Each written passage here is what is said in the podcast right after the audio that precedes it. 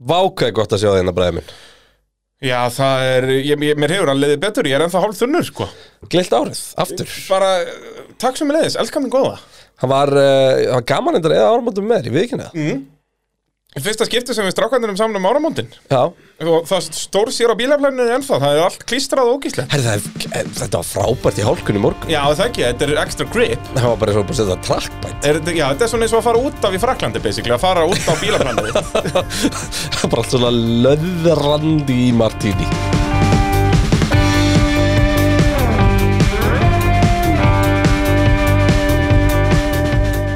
Jú, Peturinn hilsar hér á nýju ári Gleðalett árið indislegu hlustendur Gleðilega hátíð. Þetta er, Allt er er, er þetta þetta svo ekki bara dásamlegt. síðaskitt sem við segjum það?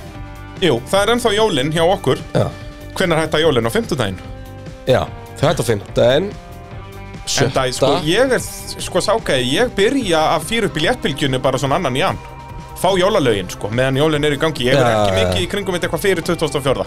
Þá Nei. er ég bara ekkert í jólastemmingunni. Núna Svona- kemur jólaskapið hjá mér, sko. Sko sonu minn, bara um leið og Halloween var búið Já, þá var bara komin tími á næsta ár. Þú Bara veist, léttbylgjan ok, þetta og er bara- ógeðslega fyndið, hann er svo mikil hátíðakur ég er ekkert grist þér sko það er bara, ég sem mömmu kissa jólasveinu bara búið að vera sungið Ó, já. non-stop hann er alltaf búin að skreita húsið okkar tómsunum en hérna á sem sagt, hann vaknaði um nóttina á nýjárs sem sagt, gamlárs nýjárs já, já, semst, hann, já. og svona upp úr, eða ekkert hann magna ekkert, hann bara upp úr svefni fyrir hann bara hágráta út í það var svo langt þá getur hann komið aftur í jól og ára og bara Þetta er ekki sagt, þú sopnaði hann veist að það aftur eru bara fjóri mánuður í páska og, jú, jú, jú, og tveir og, og hálfu mánuður í Formule 1. já, já, gæti hugað sér við það að þú veist, frænkans á ammali í vikunni, það er hátíð Já. ég á ammali og lögadaginn, það er hátíð Heyrðu, þú átt afmæli á laugardaginn? það er bara þannig Það er allt að Þannig gerast. og Hamilton á föstudaginn en ekki sjönda, en ekki deilum Við erum að tala um 13. Hamilton, Kreinar. já, ég er endar, ég deili mínum ammælistegi með, með mikilmennum sko Nú, það er svo leiðis, Já. býtu sem þeim er. og það er mjög fyndið út af því að það er til þú veist, Wikipedia um og eitthvað svona dót Mm. þá fæ ég, það- ammæli mitt er mjög skrítið það er verið að taka mig út um allt af einhverju svona random, svona bröllum sem Já. eru með söguhot bara hinga og þangað um Twitter og Facebook og eitthvað dót. Elskar random bralla hér, hér og Já, þar og hérna, það er mjög skrítið sko og maður byrja alltaf þá að fá ammæliskuðu bara frá Ástralíu bara um morgunin sko Oh. en hérna, þess að deginum áður sko Já, já. og þetta er eitthvað lið svona sem að keppist við það að vera fyrst, þú veist og hérna og er bara, þú veist, á miðnætti hjá sér hérna, nú get ég farið að byrja og óska fólki til hamingjum Já. ja. ammæli bara Skellum okkur á listan bara já, og hérna, en en uh, þess að ef maður fer á, á og kíkir á, á dæmin sko Hvað er, hva, hva er Á- nafn nummer eitt hann?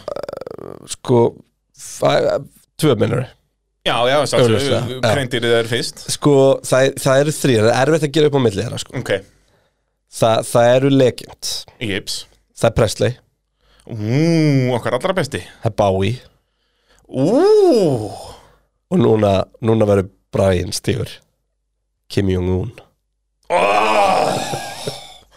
I like that til ágæði svo ít og taka hann Já. þá myndir að þetta er eftir að stilla Ég það. var, ég var ekki komið með það sko Sorry, þetta er agalegt, ég ætla að hendi þennan hérna sko Oh yeah Þetta var rosaleg þetta er nefnilega, þetta er stórt sko Já, Ég viðurkenna. þetta er, eh, mér skilst að það er verið að henda í, í biopic um okkar allra besta Elvis sem kemur út bara næst, um jólinn næstu eða eitthvað. ertu sérst að meina heimildamyndin lífið hans E, nei, sem þess að Hollywood mynd söngleikur. biopic, Já, biomynd er það það sem þú reyna að segja já. já, Það er þetta ekki kallað biopic þegar þetta er um líf einhvers. Ég held það. ah. Ég, held, ég er svona bíómyndakall, sko. Ég segi svona bíómyndalingó. já, við erum alltaf fóst í kvimundaskólan Fór í kvikmyndaskólan, heyrðu, ég er alveg, sko, ef þú býður í svona einu og halva mínútu eftir hvert verbúðar þátt, að þá sérðu Gerdin Bræði Þóraðsson á kreditlistanum, sko. jaha Já!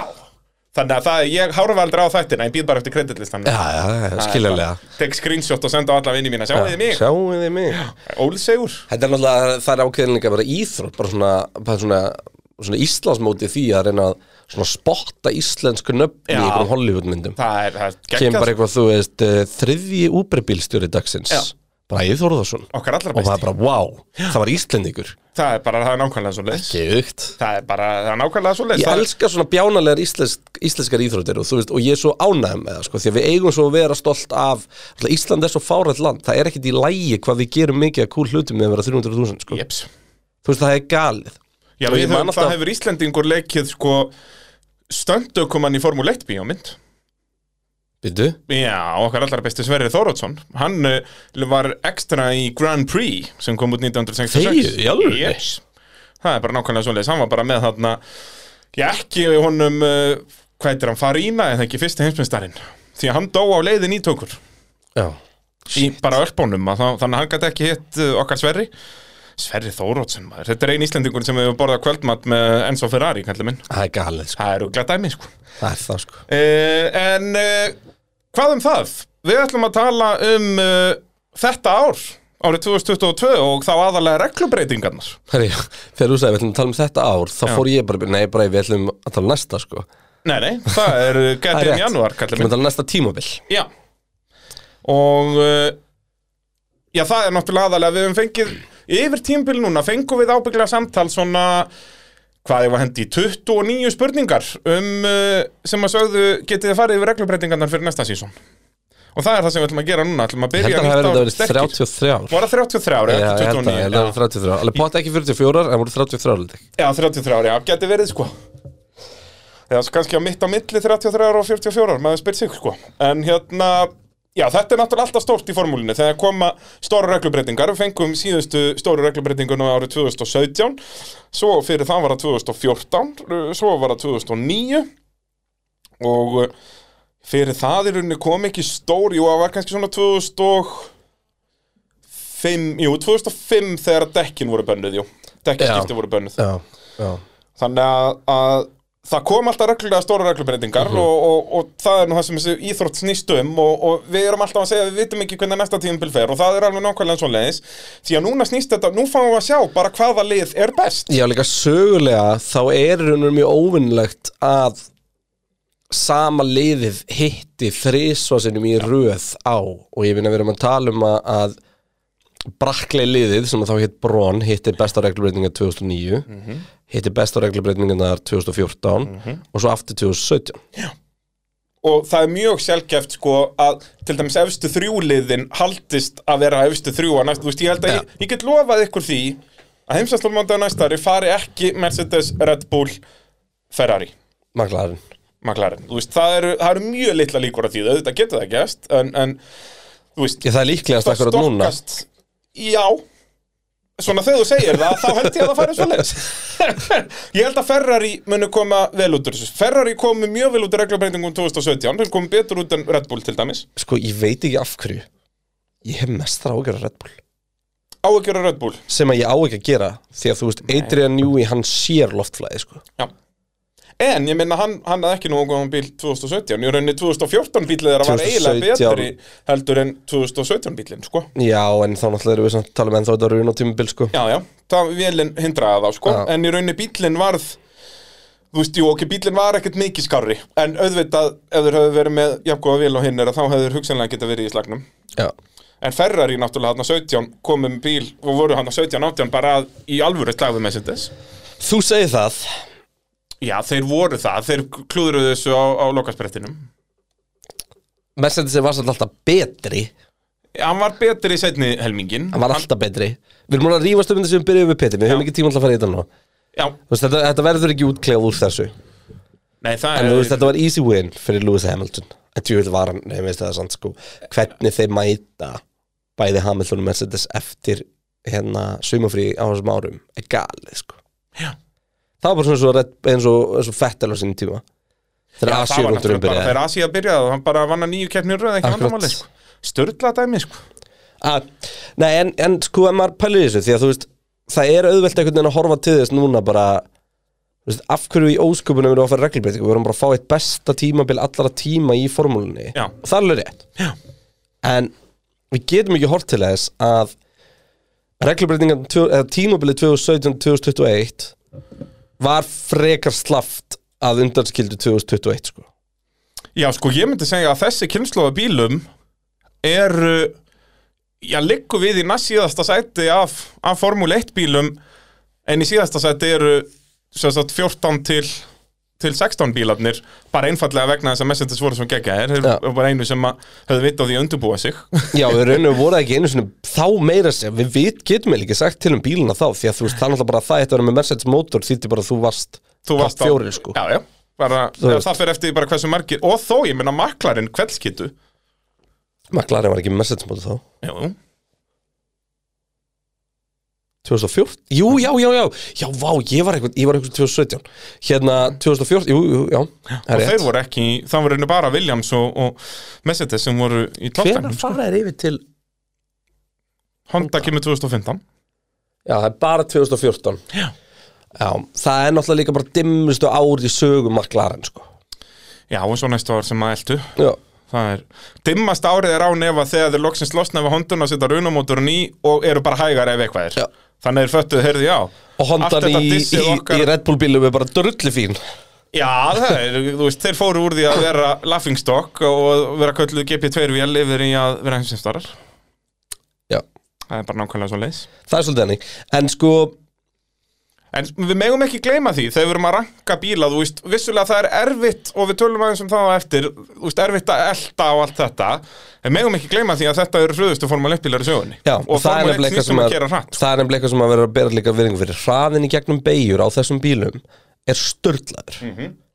En að einhverju leiti virðist vera sem að næstu árs bílar verði ekki mikið hægir í beigjum Þeir sem er að keira því simulitorunum, þeir umkomið, þeir vilja meina að næstu árs bílar í hröðum beigjum í stuttum hröðum beigjum sérstaklega séu alveg galnir sko.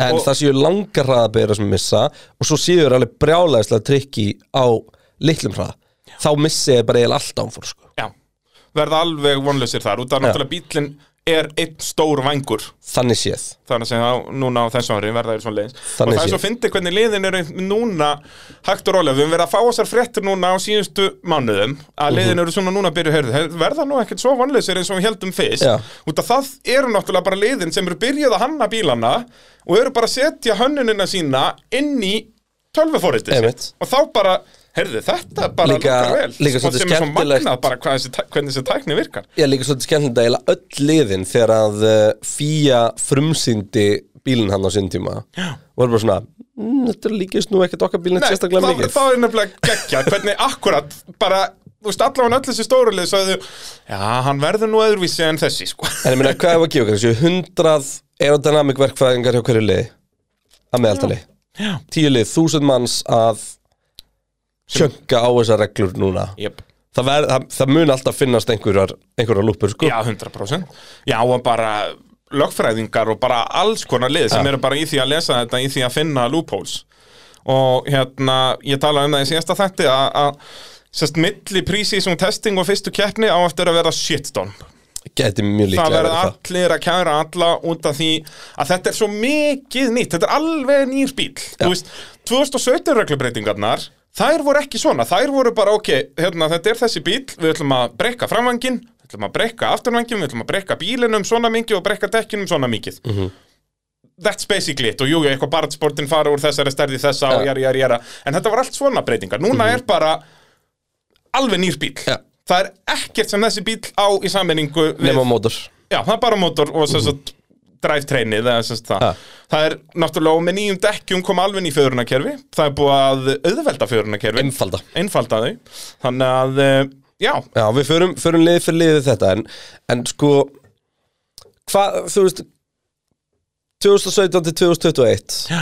spáði í því ef við hefum hægt 2020 -hmm. þá væri við líklegast að ranka þetta bara alveg upp við þú veist, hitt en málið það bara, þessi nútíma bílar og þessi bílar eins og þeir eru núna þeir eru svo ógæðislegir til að elta við erum að tala um það að ég er með tölfræðina hérna í, í skjali en við erum að tala um það að tíu metrum frá bílnum fyrir framann er það missa næstu í helmingina greipinuðinu og það er samt 10 metrar, þú veist, það eru tvær bílengdir, Já, sko eina sem ég hef áhugjur af er að v- sko, já, framrakstur og elda verið auðveldari að einhverju leiti en verður einhver munur á beinagöflunum verður, verður slipstreami bara gimpað Verður DRS, vitum við það? Já, verður DRS á fyrsta árin allavega Ok, við síðan eru nefnilega að pæli að skrappa það Já. En nei, þá náttúrulega virka sliptirinn með ekki að bel Þannig að þetta snýst miklu meira um að ná góðu exiti út úr síðustu beginni Já. Frekar en bara stóla á sliptirinn Já, já, en í staðin ertu ekki handikappar á leiðin út af beigum, sko Já Og Þú veist, ég meina, við Þú þurfum veist, að við munum fá núna aftur sem sagt skemmtilega framúrakstra. Þetta verður ekki þannig að ó, bíll er búin að ná öðrum bíl, hann kemst ekki fram úr, býður í tvo þeirra ringi með að hlaða allt rastlið og tekur síðasta sektorinn með öll batterín í gangi og næra hald, hanga sér upp í þú veist, halvri sekundu fyrir aftan Og svífur svo bara fram úr. svo DRS framúrakstar. Ja. Allir framúrakstarar vissulega hafa þeir aukist með DRS-inu en þeir eru allir svo leiðinleir.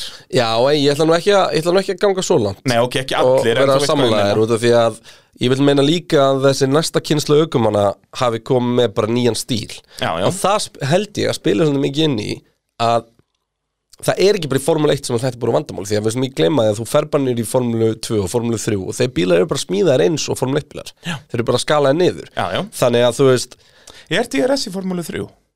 Er það ekki bara í formúlu 2? Mm. Ég bara mann það ekki nei, ég held að það sé komið í Formule 3 núna ah. Ég En man maður það ekki. sér þetta, þú veist, þetta er í DTM er þess að það er DRS Já, já. Þú veist, þetta og er ég meina komið í alls DRS konar bara kappakstri. aktivera og meika bara fullkomið sens í, í kappastri En Ég vil hérna- sagt, ef við erum oft fara allarleið að vangirnir eru bara allir á hreyfingu gegn beigur og allt já, tímandakum allavega Já, það var ekki ekki En hérna, en það sem ég er svona meira kannski að- að tala um er að það er búið að gera verkum að, að þessar brjálæðislega agressífu framúraksliðir eru bara búin að vera nöðsin hjá þessum dútum, sko. sem að geti breyst núna, núna verður þetta meira þannig að þú bara keirir nokkar ringi á eftir bílnum og ert bara svona sizing him up eða þannig, bara sjá, heyrðu, ég get reynd að fara aðeins utar hérna og þannig innan á hann þarna Það er nú Þú veist, málið, sko. og bara í gegnum, þú veist, ímyndaðir eins og þetta væri í galma daga, menn voru í gegnum allt annað og þriðja sex, sektorið á spa, bara bílengd á eftir næsta bíl, þú veist, þetta er störtlað sko. Ja, Ah, Þetta, þetta er mjög spennandi og, hérna, og við munum fara í gegnum allt það hvernig þetta virkar en Já. það er alveg búið- ég- það er alveg búið að spyrja mig bara, þú veist er þetta ekki vitlust múf? Þú veist, við vorum að horfa á besta, besta tímabilformulunar bara í mörg, mörg, mörg ára jafnvel efer og ég segi nei, ég, ég ætla að segja þetta sé gott múf Já. og því að við fengum eitt svona ár ef við hefðum haldið áfram með sömu bíluna, flott en það hefðum við getað gert með eiginlega alla bíla ef við höldum bara áfram nóg lengi þá mun allir ná þeim besta um, þannig að mig, þú veist þessi skref til framtíðar held ég að séu mjög góð ég hins vegar, ég hef bara kert eitt bíl með ventúrigöng sko og þú veist, akstuslega ég var mjög góður á honum bara from the get go, þannig að þú veist það getur ekki, já, Tjúrigöng, það, það, það er grand effect já, sem við það eru- talum það um. eru sérst, já, þessi, þessi Jarðáhrif. jarðhrif hana, sem, að, sem að við erum að tala um en uh, sem er sem sagt filosofían svona á bak við það hvernig uh, niðurtók verið framleitt á næst tímubili Mhm.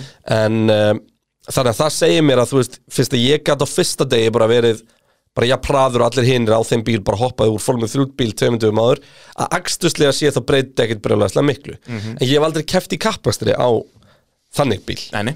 þú veist kaninn hefur verið að vinna meira með þetta Já.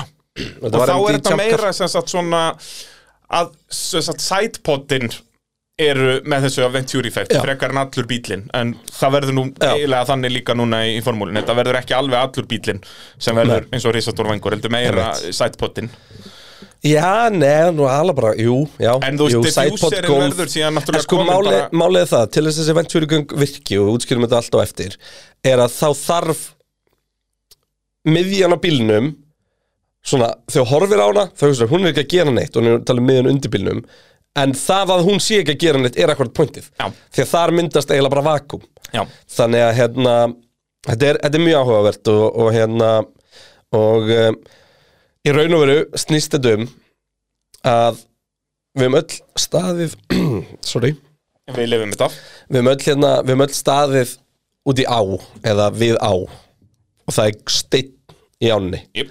og sem að þrengir hana og vatni fyrir að renna hraðar sikur um steinin og undi og bakvið steinin myndast liggna Já.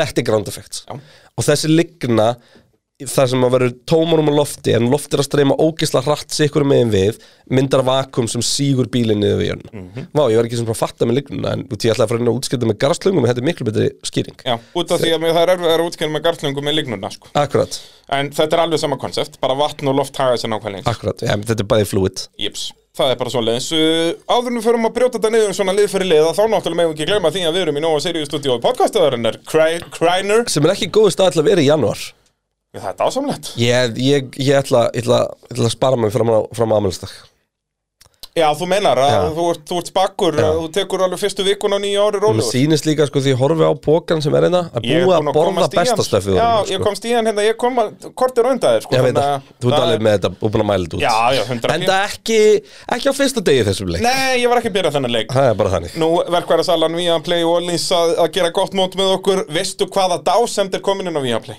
Býtu Það er, eh, já, ef, ég myndi setja hann í topp 5 yfir íslenskar bíómyndir över og, og ánef var besta íslenska myndin sem komið hefur nýlega. Það er síðasta veiðaferðin. Er hún komin á Hún víum? er komin inn á Viaplay, sko. Viaplay er að Veiðimaðurinn koma sterkir eh, inn. Kreinar á eftir að sjá hana Hæ? Já, Ok, þá veistu hvað þú ert að fara að gera í kvöld. jép Þetta er, ég trúi ekki á Ég er líka með að séð gæta sem- þeim næra af í kvöld sko Þú ert svo mikið að fara að orfa Já, saman. ég er bara sko. Hún er gæti ekki þægileg, vel þetta er bara gömlu góðu 90 mínúturnar, ekkert rugg Já, og það er endar orðið vel þreytt Þetta er alltaf, þú veist já, allt bara ma- hefur maður að sest fyrir upp að í- horfa á bíómynd í kvöldelskan og það er bara þrýr Já, klukkutíma bara sem maður sest upp í sofa klun 11 bara já, ég næði einni mynd Já. svo fer maður að leita myndum og það tekur bara svona 30 mínútur að finna einhverja mynd sem er 90 mín já, út af því að þú veist það eru alltaf bara 2 og 40 núna Já, já. eitthvað, skilurðu. bara allir þættir orðnir 50 mín og allar myndir orðnir allavega 2,5 tími og allir pittar og allavega 2 tímar Já, þú veist, við þrýr og hálfur og bara hvernig sem mynd er, sko Já. Það er Ah. en nákvæmlega hérna svoleiðis. en uh, ég, já, ég, ég er bara bjart sín með þessar reglubreitingar áfram og, og, uh, og þarlað en mér langar alltaf að segja eitt með styrstarlega við náttúrulega fengum inn frábæra styrstarlega með ykkur á síðast tímubili mm. og nú erum við að hefja nýtt tímubil þannig að ef fólk eru áhuga og getur haft samband um, við náttúrulega veljum úr því sem, að, sem að við viljum fjalla um í petinum Jú. en uh, það er allavega þið, þið, þið getið hit us up ef að þið Já. eru með einhverja pælingar Þú um- ert á um kafi í, Þarlað. í, í tölvupóstum og símtölvum eins og engi sem Já, það morgunstæður er bara, þú veist, þú heyrir bara röddin á mér sko, Já, ég er bara búin að þetta er vera í tómt síman En sko, röddin mín er ekki bara að koma almennilega tilbaka bara eftir Abu Dhabi Þú veist, hún er, Já. bara, hún er bara svona slöpp Þú veist, við erum að taka þetta fyrir part dags Fyrir svefnin og svona Þetta er samt goddamn sexy Þetta er það, sko, viskiröddin Já, Hæ? já Það er... Uh, Svo gæti kannski, gæti Sendi á Braga, hvort að ég á að Ég get ekki fengið það sjálfur, ég ætla bara að fá svona bara kaldan ystu, bara vilju hafa a Whiskey voice The- áfram The Whiskey Criner Svo gæti það líka bara verið allt whiskeyð Já, það er, Svo er ég meina, það annað, sko. kemur, uh, þú veist, þetta er Þú hefur náttúrulega, þetta komst fyrst almennlega í viskið bara eftir Abu Dhabi og, og, Já, ég og bara svona, hafi ekki haft svona er þetta tíma komið fyrir þetta Einmitt, einmitt Það er, Við vorum nú krútlegar á áramótunum með viskið Eftir að ég var búinn að, ég kláraði náttúrulega kampavinni bara á, á, Á planinu. planinu sko. Þú sleikti samt vel upp að þessum, ég var mjög Já, ánægð með sko. algjörlega, ég fer ekki að sóa eða Martini sko. Nei. Það er, ég komst að því að Martini er ódýrasta fröðivinnið Já, Þetta er, þú veist, flaskan bara á klink sko. já, Sem er gott fyrir bjösvinnið sko. já, þetta er ekki að segja að fólk hefum ekki verið að sprauta fyrir undra á skallina sko. Ah, já, s- sorry, við erum, við erum vel, vel að okkur Við klikkuðum samt svo feitt sko. Er það svo leiðis? Já, sjúi Við Heyrðu, hefðum átt að auðvitað- taka já. árum átt að sjúi sko. Já, það er reyndar kveldskita Ég Ha. verða við ekki hérna það við, hérna, En þá vitum við hvað við gerum næsta áramót Já, Þú veist, Þannig að það er bara, þetta er komið bara láta ykkur laka til næsta árum átt Þetta er, út að, þetta er að fyrsta sem hún sagðir Ég mann þá hún sagðir þetta um leið og varst komin inn Að þá bara, bralli, hvað er að okkur? Og ég kveikt ekki neitt, var bara að klára að drekka um minn kampaðunast út eins og fýtt maður uh, Og þá bendur mér á að við glemdum að gera sjúi Og ég bara hef ekki náða fyrirgefa sálmur þetta síðan Nei, Það nei, er nei. nákvæmlega svoleiðis. árið er órýtt Það er svolítið Og eiginlega svoleiðis. bæði 21 og 22 Já, þetta við vitum, þú veist, það er, hvað eru margir staðir eftir að gríska stafróinu núna af, af verið ég svona, við þessu COVID. Við höfum alveg svona einhverja tíu staði eftir, Já, þannig að þetta verður allt handónýtt maður. já, Engar ágjur á því, en Ah. það er hægt að sitja heim og horfa á formúluna og það er það sem skipta máli. já Uh, byrjum að fara yfir 2022 reglubreitingarnar og við ætlum ekki að byrja á bílunum sjálfum eða hvað. Nei, ég hef ekki bara að fara yfir reglubendingar lið fyrir lið Það er held ég sterkur leikur, og, en ef við þekki okkur rétt að þá munum við fara fram og tilbaki í þessu. Nei, við erum, höldum, erum yfirleitt á beinubröðinni Já, og svona er- erum mjög lítið að endur taka okkur og svona, þetta er, Já. við erum, við erum mjög svona skipulæðir í þessu Já, við erum bara svona almennt, bara eins og fólk elskar að hlusta á. Mm. bara það er engin vitleysa, þetta er bara beint að öllu, Já. uh, viskirödd, þetta er allir pakkin Þetta er uh, The Hili pakki Já, þetta er dælikt Frá Breyji og Kristjón Einar Jó, Já Sko, ég er bara næst í búin að læra norsku og því að hlusta á Discovery Channel auglýsingar Það í er svo gegnum tíðina. Oh, I like that Já, ég meina bara aflikamer og eitthvað svona Já, það, þetta er líka ekkert eðlilega kynasandi Ég veit það. Býtum að þess að segja eitthvað aftur á norsku Nei, ég, m- ég man ekki það hvað núna Segðu eitthvað uh, Oslo Það var rosalegt Heyrðu, hver ætlum við að byrja á, Kristján minn? Nú náttúrulega þú fóst í, í Get Him Research og ert búin að skrifa niður, ég veit ekki hversu mikið í skjallikóða sko. Þetta er ótrúlegt að fylgjast með þessu Já, ég meira þess að klikka, sko, þú ert alltaf að monta ykkur margar blaðsjur Já, Ég hendi bara í tíu púnta letur, sko, þú ert alltaf já með, sko ég er í 14, sko, allan tíma Já. 14 til að henda þessu í allavega svona 15 blaðsíður sko. Já. En þú nærði hann alveg svolít, sko, einhvernum 5-6 blaðsíðum bara í 10 puntanum sko.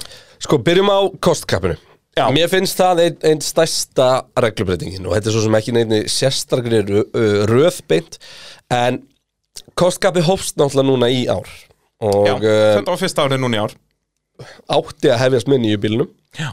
En nýju bílarnir náttúrulega áttu að hefjast í ár Já.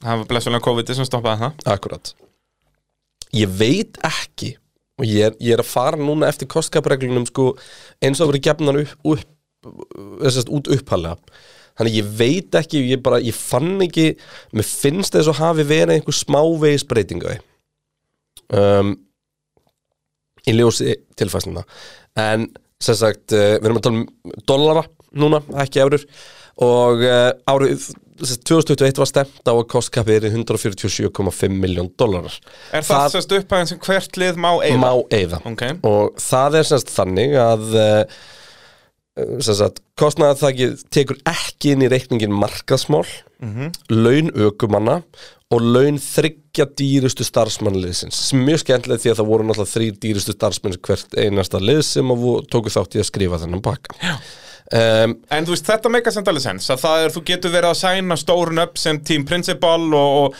þú veist, head of design og allt þetta skiluru og svo náttúrulega ökumennir það er skiljalegt skilur að, að það á ekki að refsa leiðinu sem er með Lewis Hamilton eða Fernando Alonso frekar en þeim sem eru Ég er samt ekki alveg samanlæði sko. með Ekki? Nei, því að þú veist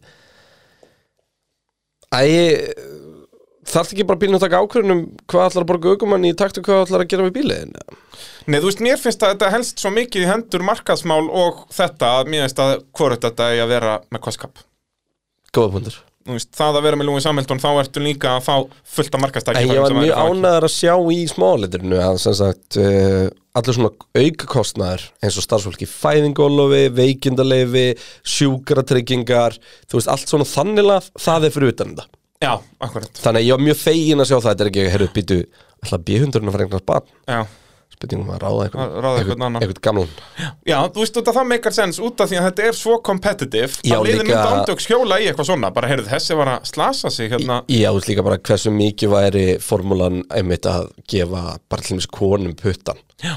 Það er svona aðeins erfiðar fyrir þær að sleppa því að taka sér frí í Nákvæmlega. kringum basspur heldur, en- heldur en okkur sko og hérna, hann er ég er mjög, mjög, bara Bara mjög þetta er fegin mjög að, mikilvægt. að þetta hafi verið gert um, En síðan mega sérst liðið nota 45 miljón dólar á árunum 21 til 24 til að stækka við, byggja, kaupa vélar eða þannig að þú veist fyrir bara bara fabricationi, bara fyrir mm fyrir, fyrir þr- þróunina og annars slíkt síðan er svo sniðugt hvað nokkur lið gerðu eins og til þessum Aston Martin Þau bara fjárfestu vel 2020 Já, þú veist, að- þá einmitt gerðu þeir sko, tókuðu fyrstu skoplustunguna af nýjum höfustöðum og eitthvað svona og basically eru bara búin að taka fyrstu skoplustunguna Já, Mm. bara borguðu Já, en þá er það réttlætanlega, þá meiga þeir halda áfram að byggja þetta og eða sest, eins mikið af peningum í þá að þeir vilja Já, þetta er alltaf ekki verið svona svipað eins og þegar ríkisbatteri þurfa að herðu geti kift hérna bara fyrirfram frá þér fyrir næsta ár Akkurat, Aha. bara svo þetta sé í bókaldinu á þessu ári, sko Já. Að það er Bara hefði nákvæmlega ég með svoleiðis. hérna 18 miljónir sem að ég náði ekki eða ástu ári bara surplusið sko Já, einmitt. gamla góða en hvað En þýðir síðan- sem sagt En síðan sem sagt mun kappið lækka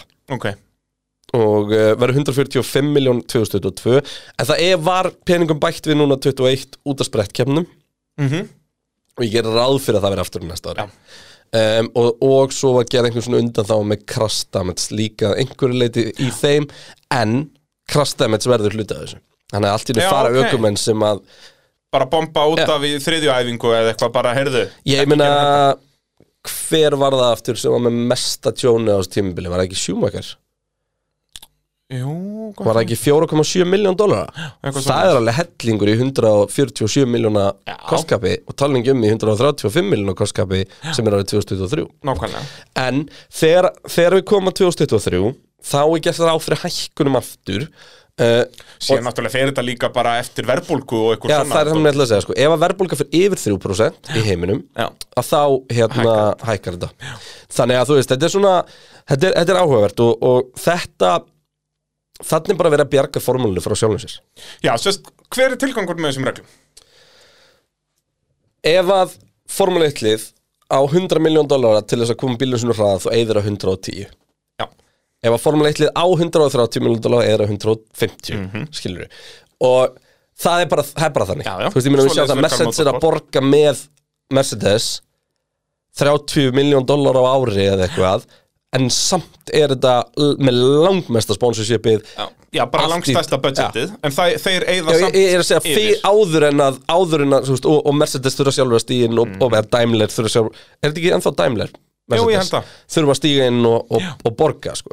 þannig að þarna er bara verið að segja bara nei, nei, nei, þú veist, við viljum til þess að formúlun sé sustainable áfram Mhm. að liðin geti hagnast þú veist, það sé verið bara, sé eftirsóknarvert að eiga lið þess Já, að verið og- að segja eins og með has Akkurat ekki selja has núna, skilur Og það er einmitt máli að þannig verið að opna dyrnar fyrir lið eins og Haas og þú veist eins og Jordan var í mörg ár svona nánast independent lið að geta, þú veist, þeir eru ekki að fara að keppa um titil en þeir geta keppt það, Þú veist. þetta, nei, ég held nefnilega að þau geti fara að keppin titla Já, ekki, á, ekki 2022, ekki nei. 2023 en, En kannski- 2030 já, þú veist, því að þeir geta byggt sig upp, skilur já, og, og, Og ef þú í ert raun og veru- reglulega núna í kannski 5-4 seti þá getur þú fara að næla þér í alvöru sponsora og síðan ertu farin að berast um fyrsta seti ég held líka með nýju reglunum og með þessum breytingum þú veist, við vitum að bíla henda mismunandi breytum Mhm.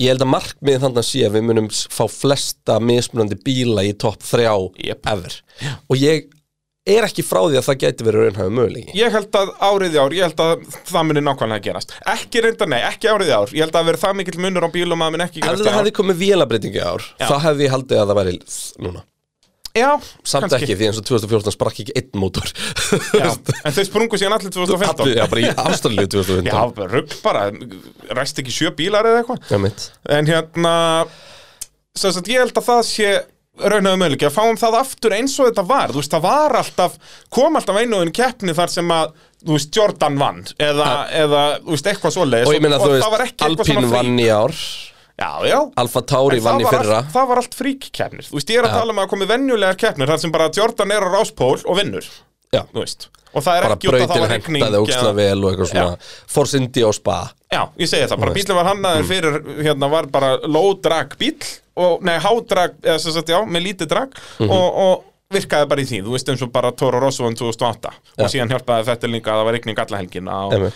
þú veist, allt svona uh, Þannig að ekki bara það að efstu fjórir dett út Nei, en núna erum við að fara í svolítið tæknilegt En það gæti orðið pínu þú, þegar við gerum okkar besta En, en Já, ef við já. förum yfir bara bílinn og það er breytingar sem verða á bílnum Þá eru það náttúrulega fyrst og fremst hugsað til þess að auðvelda kappastur Það eru til að auðvelda aukumunum að aka nálat bílnum uh, Bílnum fyrir fram að sig Og auka svona náttúrulegan framúrakstur og nálæði í kappastri Það er svona, held ég að summeræsi þetta svona Hvað er verið að gera í raun og veru. og hvernig ætlaði hann að gera það? Sko bílar síðust ára uh, hafa sérst eins og við erum að tala um hann verið að missa 35% af niðurtóinu sinni þegar þeir eru þri, þremur bíllengdum fyrir aftan næsta bíl það er um 20 metrar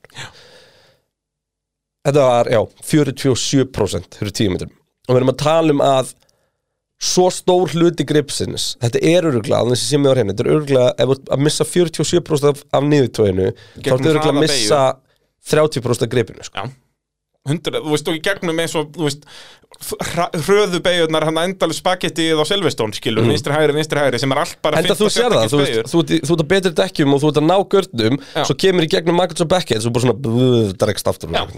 Þú og veist. ert komin sekund og eftir fyrir Wellington streitið, skilur, að þú veist Markmiðið með næstu áspílum Og eins og simulationu segir En semst er raun og vera að uh, s- Stefnan er að bílinn sé bara að missa um 4% niðurtók 20 metrum eftir Og 18% 10 metrum fyrir aftan Þú veist, Þetta er skuggalegur munur sko. yep. og þannig þeir gera þetta í rauninni með því að senda allt óstöðuð á lofti það kemur náttúrulega ennþá heldinga óstöðuð á lofti aftan á Já. bílunum en þeir senda það beint upp í loft Já. í rauninni Og málið er að- fjúserinn sem er vangurinn hann undir honum að aftan Já. hann verður svo svakalega brattur að eins og við segi loftið fer yfir bílinn fyrir aftan en ekki á hann Einmitt, þannig að hann er bara að lenda á nýju lofti í raun og veru sko. þannig að þú veist þetta er, þetta er brjálæðislega áhugaverð pæling og, hérna, og því að vandamál er ekki bara að loftið sé þinnra sem fyrir gegnum heldur að vortexin á bakvið þessa bíla og, og, og, og, og það sem er kallað wake, svona gáran hún er bara eitthvað bull og það er eiginlega viljandi gert sko. Já, já þú veist, liðin liðin gera það, þetta er bara eins og að kasta banan á bílinn fyrir aftan í Mario Kart þú vilt að það sé erfitt fyrir hann eftir því Einmitt. A- a- og þú veist, þetta er náttúrulega gert með öllum þessum litlu, þú veist, eins og við sáum eins og fyrir þetta tímbil var bannað að hafa sér satt botplötuna með endalösta svona litlum finns og drastli Já. og það var búið að setja endalösta þannig dótið að- og það var til dæmis liðin mjög mikið bara að búa til slæmt loft fyrir aftan bílinn akkurat fyrir kannski eitthvað júið, grættu pínu downforce en ekkert svo mikið Ja. og það er náttúrulega sem, sem verður stóra breytingin útlitslega séðan þessum bílum er að það verður ekkert af þessu endalaus af litlum vangjum og, og litlum götum sem að og, samt er búið að minka helling ef þeir munið taka Já, já. eftir um leiðum við sjá næsta spila hvað það er rosalega mikið þetta verður svona eins og bara bílarnir voru 99 bara clean Formule 1 bílar og ég fíla það, það er cool og, Þú veist, vissulega voru bílarnir 2008 geggjaðir þeir voru bara með vangi, bara heyrðu hér er flatur staður, setjum vang þar akkurat, bara allstaðar voru vangjur sem var svona ekstrímið í þessu Ja. það var alveg cool svo Pikes Peak feelingur ykkur Ég segja það, þetta var svona bara, heyrðu, getum við ekki sett vang ofan að þennan vang og láta vang koma út af honum? Já, ekki ekki En, þú veist, mér finnst eitthvað bætt svo kúl við líka sjarkfinn á þann vang Já, já, og bara allt þetta Einmitt. Það er alveg ákveðin sérmur í, þú veist, að fara bara aftur til 86, sko sko, bílar síðust ára þeir nýta- nýttu sér sem sagt uh, loftflæðið alveg helling undir uh, bílunum Mhm. en þá var það bara alltaf búið til niður það var undirvagn bílsins í raun og veru vangur bara eins og framvangur eða afturvangur það var í raun og veru bara að gera nákvæmlega sama nema bara undir bílnum Sem sagt, uh, nú er ég talað bara bíluna þangað til á næsta ári eða Já. næsta tímabili að undir vagnið þar var vangur sem að bara, þú veist, það var mjótt í rauninu sem hjælt plötum þar og það var svolítið bara svona eitt stór vangur, gólfið var bara eitt stór vangur eins og vangir eru á formuleikbílum, þannig að segja, bara tekur á sig loft og þrýstist niður ok Og hvernig mun, og þú ert að tala um gömlu bílun hana ég er að tala um gömlu bíluna þannig Ok, Ég er ekki að tala um núna þetta að þvinga lofti í ákveðna leiði Nei. til þess að nú er ég bara að tala um að ef þú ímyndaði bara afturvæng Já. bara undirvæng bílsins var bara eins og falin einn risastór afturvængur bara bóginu upp þannig var, að þegar að, ekki, var ekki flatur botn á þinn? jú undir Já. Mhm. en þú veist hvernig það kom svona framgólfið sem var alltaf svona plata niður sem að lofti fór sikkur megin við hún halla, þú veist, það er Já, ástæðan fyrir að það var hæreik hallinn, já, bíl akkúrat, þú veist, akkúrat. hæreik bíl var bara vangurinn var meira upp Já, sko. já, bara meiri gráða á vangnum, akkurat, Akkurat. Og þess vegna hallaði þér svona, akkurat þannig að, að hérna þannig að þú veist, en það sem er sem sagt núna er raunur verið að gera, er eins og ég var að lýsa þarna á þann að, að þessi Venturi göng sem að verða hann svona Sikkur megin sikkur við- megin, getum við fyrir göng, sagt já. og það verður svona miðja og þetta verður svona þetta verður svolítið svona bara svo raketta eða eitthvað í útlitið skilur þú veist, þetta er bara svona það er svona oddur fremst og, og loftinu er sérst þvinga sikkur megin hérna við Ökumannin í rauninni eða Já, svona- þetta er undir ökumannum Já, já. Þú veist, nákvæmlega og inn í, ökumennum inn er í alltaf neðsti punkturinn þannig að já, inn undir sætpotana já. og eh, og þar verður þetta vangja lag þar verður þetta ekki eitt stanslaus halli heldur þarna verður þetta svona eh, í, í, í já, hálfringja bæði bæði sem sagt bæði á hlið Já, og ón á undir, akkurat, Já. þegar þú horfir bæði á prófílinn á bílnum og Já. ofan á hann að þá verður þetta allt svona swooping sem Akkurat. að gera þetta líka náttúrulega mjög töff og en Finnst samt er raunverið, þú veist, það ætti þannig sé að vera búið til lift, sko en Já. punkturinn þarna er að senda ógisla mikið að hröðulofti sikkur megin við svæði sem að lofti er ekki að hreyfast yep. lofti verður þunnt þar undir og myndar vakum bara fyrir hraðar undir bílinn og hægar yfir hann og þá verður allur bílinn eins og reysandur vangur og þetta er ekki, þetta er ekki nýtt, sko nei, nei, nei, nei þetta var banna 1982 Það Og er ástæðan okkar fyrir- allra besti Colin Chapman sem, sem bara á þetta, Já. og í raun og veru ástæðan fyrir að banna 1982 var ekki að þetta var eitthvað ólulegt, þetta var eitthvað aðeins þetta var bara svo ógeðslega hættulegt Já. því að þá voru braunaverri öryggi í kringum braunaverri hraðin sem bíla voru komnir á í beigur var galinn Já. því að þetta er miklu einfaldar í fræði í raun og veru Já. þú veist þetta er bara svona, svolítið svona búnað sem bara setur á bílinn og hann bara sogast niður á móti vangjörnum svo þú þarft alltaf að vera að stilla og tvíka og gera og græja og þú veist sem er kannski ekkert mikið flóknar með nútímatækni en þarna var þetta svolítið bara svona plug and play á bílinn og þetta virkaði en það sem í raun og veru var svo hættilegt þá var að til þess að þetta virki þá máttu náttúrulega ekki vera að missa lofti undan bílnum Mhm. þannig að þetta búið til göng sem er ekki lokuð sko, þetta, þú veist, Bara ekki undir lokuð að undirvagnin neðan. á bílnum í Já, rauninni. þannig að þetta stýra loftinu Undir bílinn. já. og til þess að missa ekki lofti undan bílnum voru þið með svo kallar skört sem voru raun og veru bara svona bara plötur eða svona, Já, bara svona, svona á endunum svona litlar plastplötur í já, rauninni, sem þannig að bara lágu alveg við jörðina Já, þar voru Þetta var alltaf snerta að jörðina brotna. allan tíman Já, og bygglast, þessist Já. fyrst voru gerður þetta alveg grjótart og þá byrjaði þetta að brotna Já.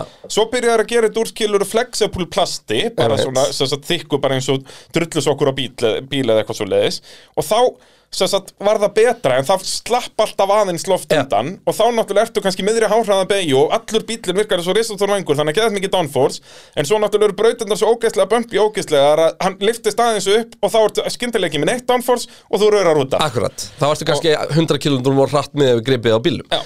um, En þarna var þetta alltaf bara fest við sætpotana Já, Núna í ár verða þessi skört þau, verða, þau geta gengið þessi bílinn getur gengið upp og niður en skörtin er alltaf með dekkjunum já Og náttúrulega okkar maður Colin Chapman fattaði líka upp að þessu á sínum tíma og hannaði bíl með tveimur grindum Já, Þá var sem sagt ein grind sem að hjælt, sem sagt fylgdi uh, fjöðruninni Já. og ein grind sem að fylgdi bílnum eða sem sagt þú gast, þú gast láti bílinn fjadra upp og niður með því að íta á hann en dekkin heldust kjur Akkúrat. og en síðan þú snertir undirgrindina skilur, og þetta var bannað eftir tvær keppnir eða eitthvað og síðan Tjartmann var svolítið í því að láta banna sig Já, algjörlega, en það er það sem að leik, leikurinn gerði Ja. til þess og náttúrulega Gordon Murray, annar frægur uh, bílahönnur, hann hannaði fræga Brabham fanbílinn og þá var það alveg eins að sett geðveitt simple principle, bara til að búa til geðveitt mikið downforce, þá sett hann risastóra viftu aftan á bílinn sem að var að gera nákvæmlega það sama, það Ja. sög það bjóð bó til vakum undir bílnum og til að sjúa loftið frá og þeir komist að því að þeir gott að fari 30% hraðar inn í beigur, Nicky Láta þess að stanna aðan lögumæðan Brabham komast að því að hann komst, já, 30 bara traðar inn í beigjötnar og þar sem þið þurft að gera til að láta þetta sem sagt, vera aðeins örugara fyrir ökumannin að þeir voru með mæli í bílnum sem að sagði hversu hratt viftan var að fara Einmitt. og svo bara voru þeir með teip bara, og Gordon Murray sagði bara við ekki láta, heyrðu, ef að sem sagt, snúningurinn á viftinu er ekki hérna milli 5000 og 7000, eða er ekki í þessu svítspotti bremsaði vel fyrir beiguna og þetta þú myndi ekki hafa neitt downforce Ja. og þú veist bara þannig að þetta er svona gæt fyrir þú og það mun koma raukt ljós hérna ef þetta fer eitthvað út fyrir Ja. og eitthvað og Nicky láta, já, já, frábært, já, þú- hann náttúrulega eins og hann professorinn eins og hann var, sko, já, ég hef augað þessu rú, rú, rú, rú, og keirir þessa fyrstu keppni sem var svíþjóð eh, eitthvað, ég man ekki hvað ár uh, og rústar henni, þú veist, þurfti basically Gordon Murray sagði honum bara, heyrðu, og ef þú vinnur þú veist, e-, ert mikla yfir bara hægðu þá bara vel á þér við viljum ekki að þetta verið bannað strax Já. sem þetta vissulega var og Nicky Láta segir eftir keppnina þú ert nú meiri helvitis hálfvitin og áttir ekki að setja þannig helvitis mæli í bílnum ég gerði ekki neitt annað en að horfa á hann hann var þetta pælti hvað þetta er óþægilegt ef að þessi mæli er ekki á réttum stað áðunum kemur í beigju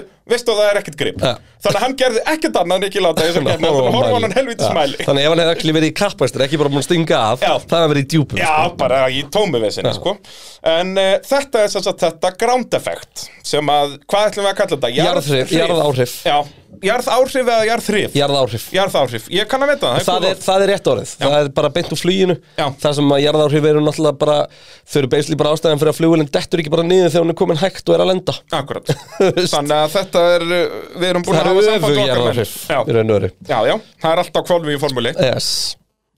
en uh, pælingin er alltaf svo með þessa grandafett bíla að þeir eru bílarnir sem að eiga að geta farið inn í kringlótgöng og kyrti loftinu Já það er svona Þeir eru pælingin með lím, það. lím, límdir við Já. jörðina og þú veist, það sem er áhugavert við þetta er að þú ert að fá allt niðurtóið, allt downforceið undir bílnum Já. og þetta er ástæði fyrir að þeir munu geta eld svona við og þannig að sko þú getur fengið að það snemma undir bílnum í raun og veru að það er hægt að síðan stið, svona róa það af áður en því ég skilað aftur út fyrir næsta bíl Já, Nákvæmlega. og hægt að skila því ofar eins og við varum að tala um áðan, að þú ert að dömpa því það fyrir hann allt yfir hinn bílinn og þó að bílinn, þú veist, þó að bíl árið 2020 eh, 2022 bíl væri að elta 2021 bíl gæti hann samt elt hann bíl betur þó að Mhm. Já, sem sagt, já, já, já. vegna þess að hann er að taka svo mikið downforce undir bílinn þó hann sé að fá skítutlátt á sig eða á Já, stöðuglátt. já, menna það, já, ef það er nóg sko já.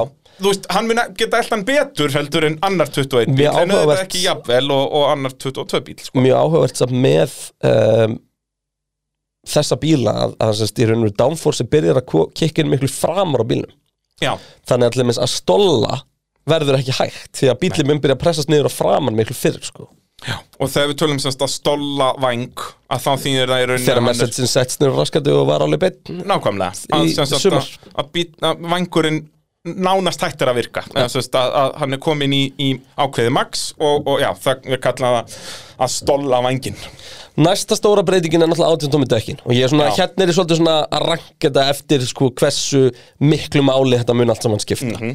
og þessi 18 tómi dekk munu að öll líkendum gjör breyta axlinum við erum sérst að fara úr hvað 14 tómi, 14 eða 15 nei 14, 13 eða 14 14, ég ekki sko það bara um, yfir Sess, í, þetta voru, leit út bara eins og kvartmýludekk þetta leit ekki út eins og venniludekk emitt og bara eins og bara gammaldags kapasdekk já, já, og eh, við erum núna fyrir þessi 18 tómi dekk og, og náttúrulega uppalega held ég að svo pæling hafa aðalega bara verið til að preli bara, heyrðu, þú veist, við seljum ekki svona dekk sko Mhm, þetta verður að líta út eins og einhver sölu var Já, en uh, eitt aðalmarkmið hjá Pirelli var samt sem er að sjá til þess að í raun og veru þessi dekk myndu þóla meiri kappakstur Já, og það er nefnilega áhugavert hvernig er sem sagt, að þóla kappakstur er allt annað heldur en bara að þau verða að vera sterkari almennt.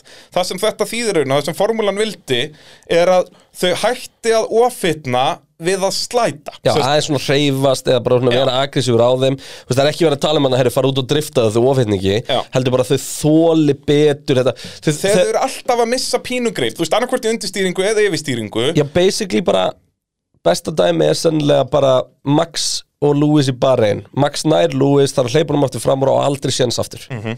það bara til hann kláraði þetta hann fór, gekk of langt á dekkin við að berjast við sko. þessa Hamilton hringi þarna akkurat og við hefum séð þetta svo ofta þessu era af bílum eða þessum, þessum og þetta gæti gjör breytt í raun og veru en þú veist, en þau er samt að greinast og gera þannig að við fáum þessa strakendvíur áfram sko. Já, þau eru að greinast en sest, það, það er ekki að vestna við það sest, ef það eru tveir liðsfélagar með nákvæmlega jafn mikið downforce og nákvæmlega eins dekkjum einn er í hreinu lofti og einn er þú veist, tíu metrum fyrir aftan annan bíl í tíu ringi þeir eru að slíta dekkjunum jafn mikið Já, emitt Þú veist, út að þú átt ekki, þau eiga ekki að ofitna við að vera endalaust að missa grip fyrir aftan annan bíl heldur eiga þau bara að greinast venjulega og jafn mikið alveg saman hvort þú setja elda bíl eða ekki og það er það sem, og ef þetta hefnast sem er svo mikið snild, þá er þetta ekki þú veist, við sjáum þetta alltaf í ungverjalandi og svona þessum brautum bara sem er erfitt að taka fram úr almennt, Mhm. Monaco og öllum þessum brautum að- að ef þú ert að elda bíl þú veist, alveg í girkassanum á honum í ring eftir ring eftir ring, að þá get, verður að hægja á þér bara eftir 5-10 ringi út að þú ert búið með framtekin Ekki, akkurat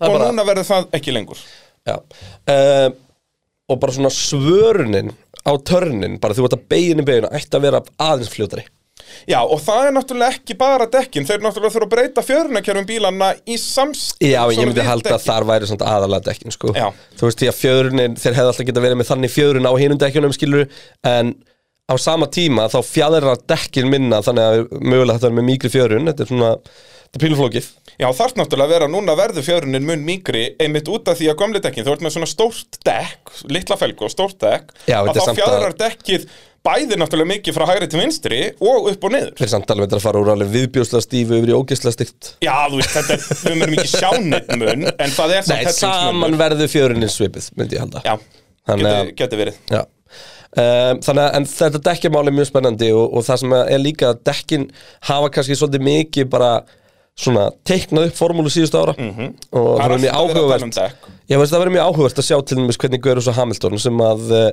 nánast þekkir, eh, byrju, hefur hann bara kæft á Pirelli? Nei, Hann náði að byrja á Bridgestone og því öll hann já, eða Michelin þá sagði flest Já. kemur Pirelli ekki bara 2009 eða 10 Eh, ég jú, var ekki 2009 held að það komið 2009 þannig að þú veist uh, það er svona, það er svo stór stór breyting sko þetta, þú veist, með dekkjaslitið og það er það sem allir með Hamilton hefur verið bestur allra í að láta dekkið sér endast og er einn af líkið þáttunum í því af hverju hann er sjöfaldar hinsmestari sko. algjörlega, hann var bara fattaði að þetta skipti mjög miklu máli og hann fór að æfa sér mikið í því skilur annað sem er mjög áhugavert og það verið minni hreyfing á dekkjunum og þau, svona, við munum ekki við lengur sjá skot þar sem að dekkin eru tegð svona Jep.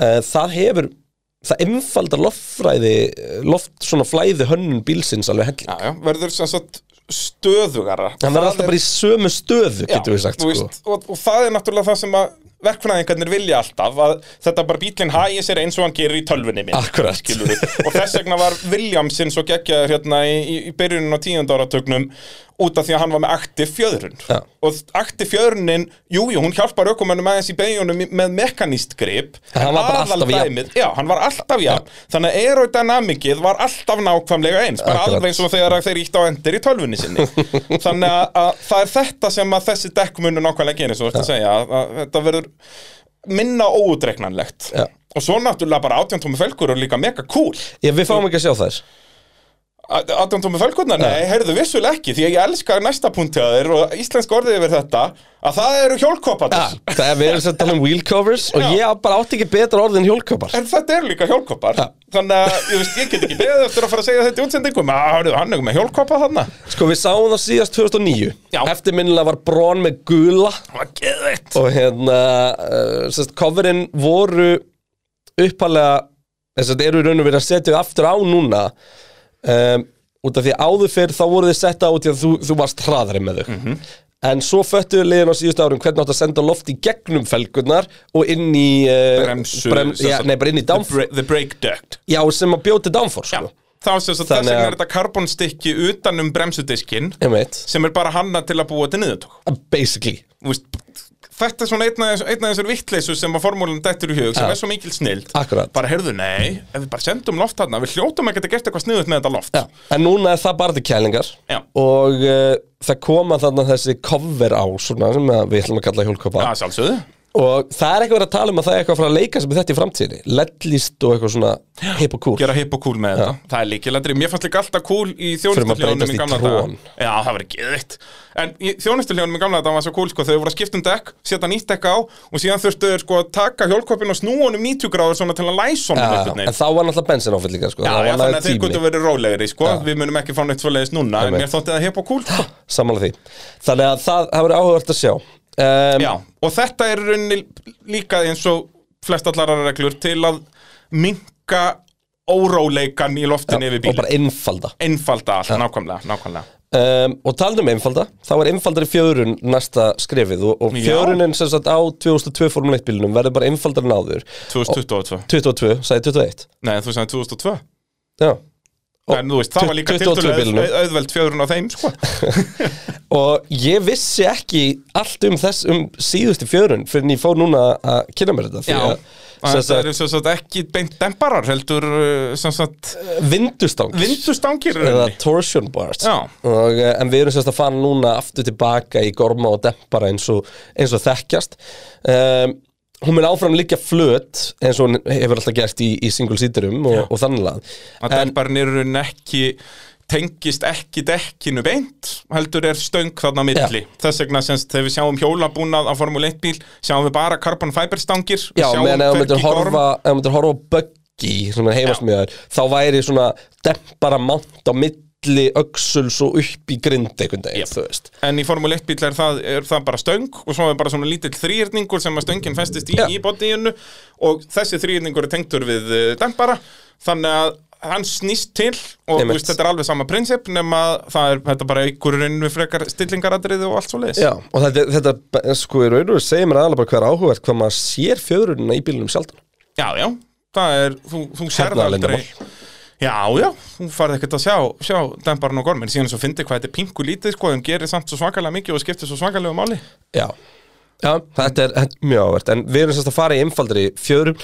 Ég átta mig ekki alveg á af hverju það er, en mig grunar að þetta sé kostkappmál, sko. Já, ég held að það, ég, það sé rétt hjá þér Ég held að sest, það var komið svo mikið af uh, dýrum efnum í þessar Já, eh, vindustangir. vindustangir, sko, að að það er bara dempar og gormur er, er ódýrara ég, ég hugsa það og ég hugsa líka sko að svo lengi sem allir séu bara með það sama þá skiptir þetta engu máli fyrir kappastur Já Þannig að Þetta er rauninni meira bara svona til núlu Þetta er svipað og bara þegar við hættum að vera með tvo dekkja framleiðendur Bara allir séu með eins dekk og þá er þetta svipað Allir séu með svo gott sem Ég lið- sömu dempara ég liði náttúrulega mun áfram smíða sinni einn fjöðurinn þannig að þetta er ekki alveg það Já. sko Já, þeir muni smíða dampara. Þetta er ekki eins og bremsubúnaður en að þeir, þeir kaupa sömu hérna, eh, bremsuklossa af, af það eru henni bara þrjú fyrirtæki sem þú mátt kaupa bremsuklossa af. Já, ég hugsa nú að verði hægt að kaupa fjörun hing- hérna og þaðan sko. og það er náttúrulega eitt af því sem er löglegt að kaupa í rauninu Já, frá já. öðrun liðum en Já, nei, ég er það að verður tala um ekki, sig það að- verður ekki staðlað Formule 1 fjör, fjör, Formule 1 fjörun sko. Nei, en skilur, þetta verður ekki eins og bremsurnar sem er, sem, sagt, það er ekki Formule 1 lið sem að hanna bremsuklossa. nei, nei, Þú kaupir þá bara af Brembo eða einhverju svoleiðin, skilur. einmitt en En Þetta verður hérna, ekki þannig, liðin verða hanna damparana. já og, uh, og ég sko ég til þess var mjög hrifin að því hérna, þegar að uh, Formule 1 fór í það að, að þú veist, þú verður að gefa upp eða þú vilt eða miljón dólarum í að hanna hérna nýtt stýrismánt Mhm. bara flott gera það, en þú verður bara að gera public IP sem allir getur downloadað og búið til Yep.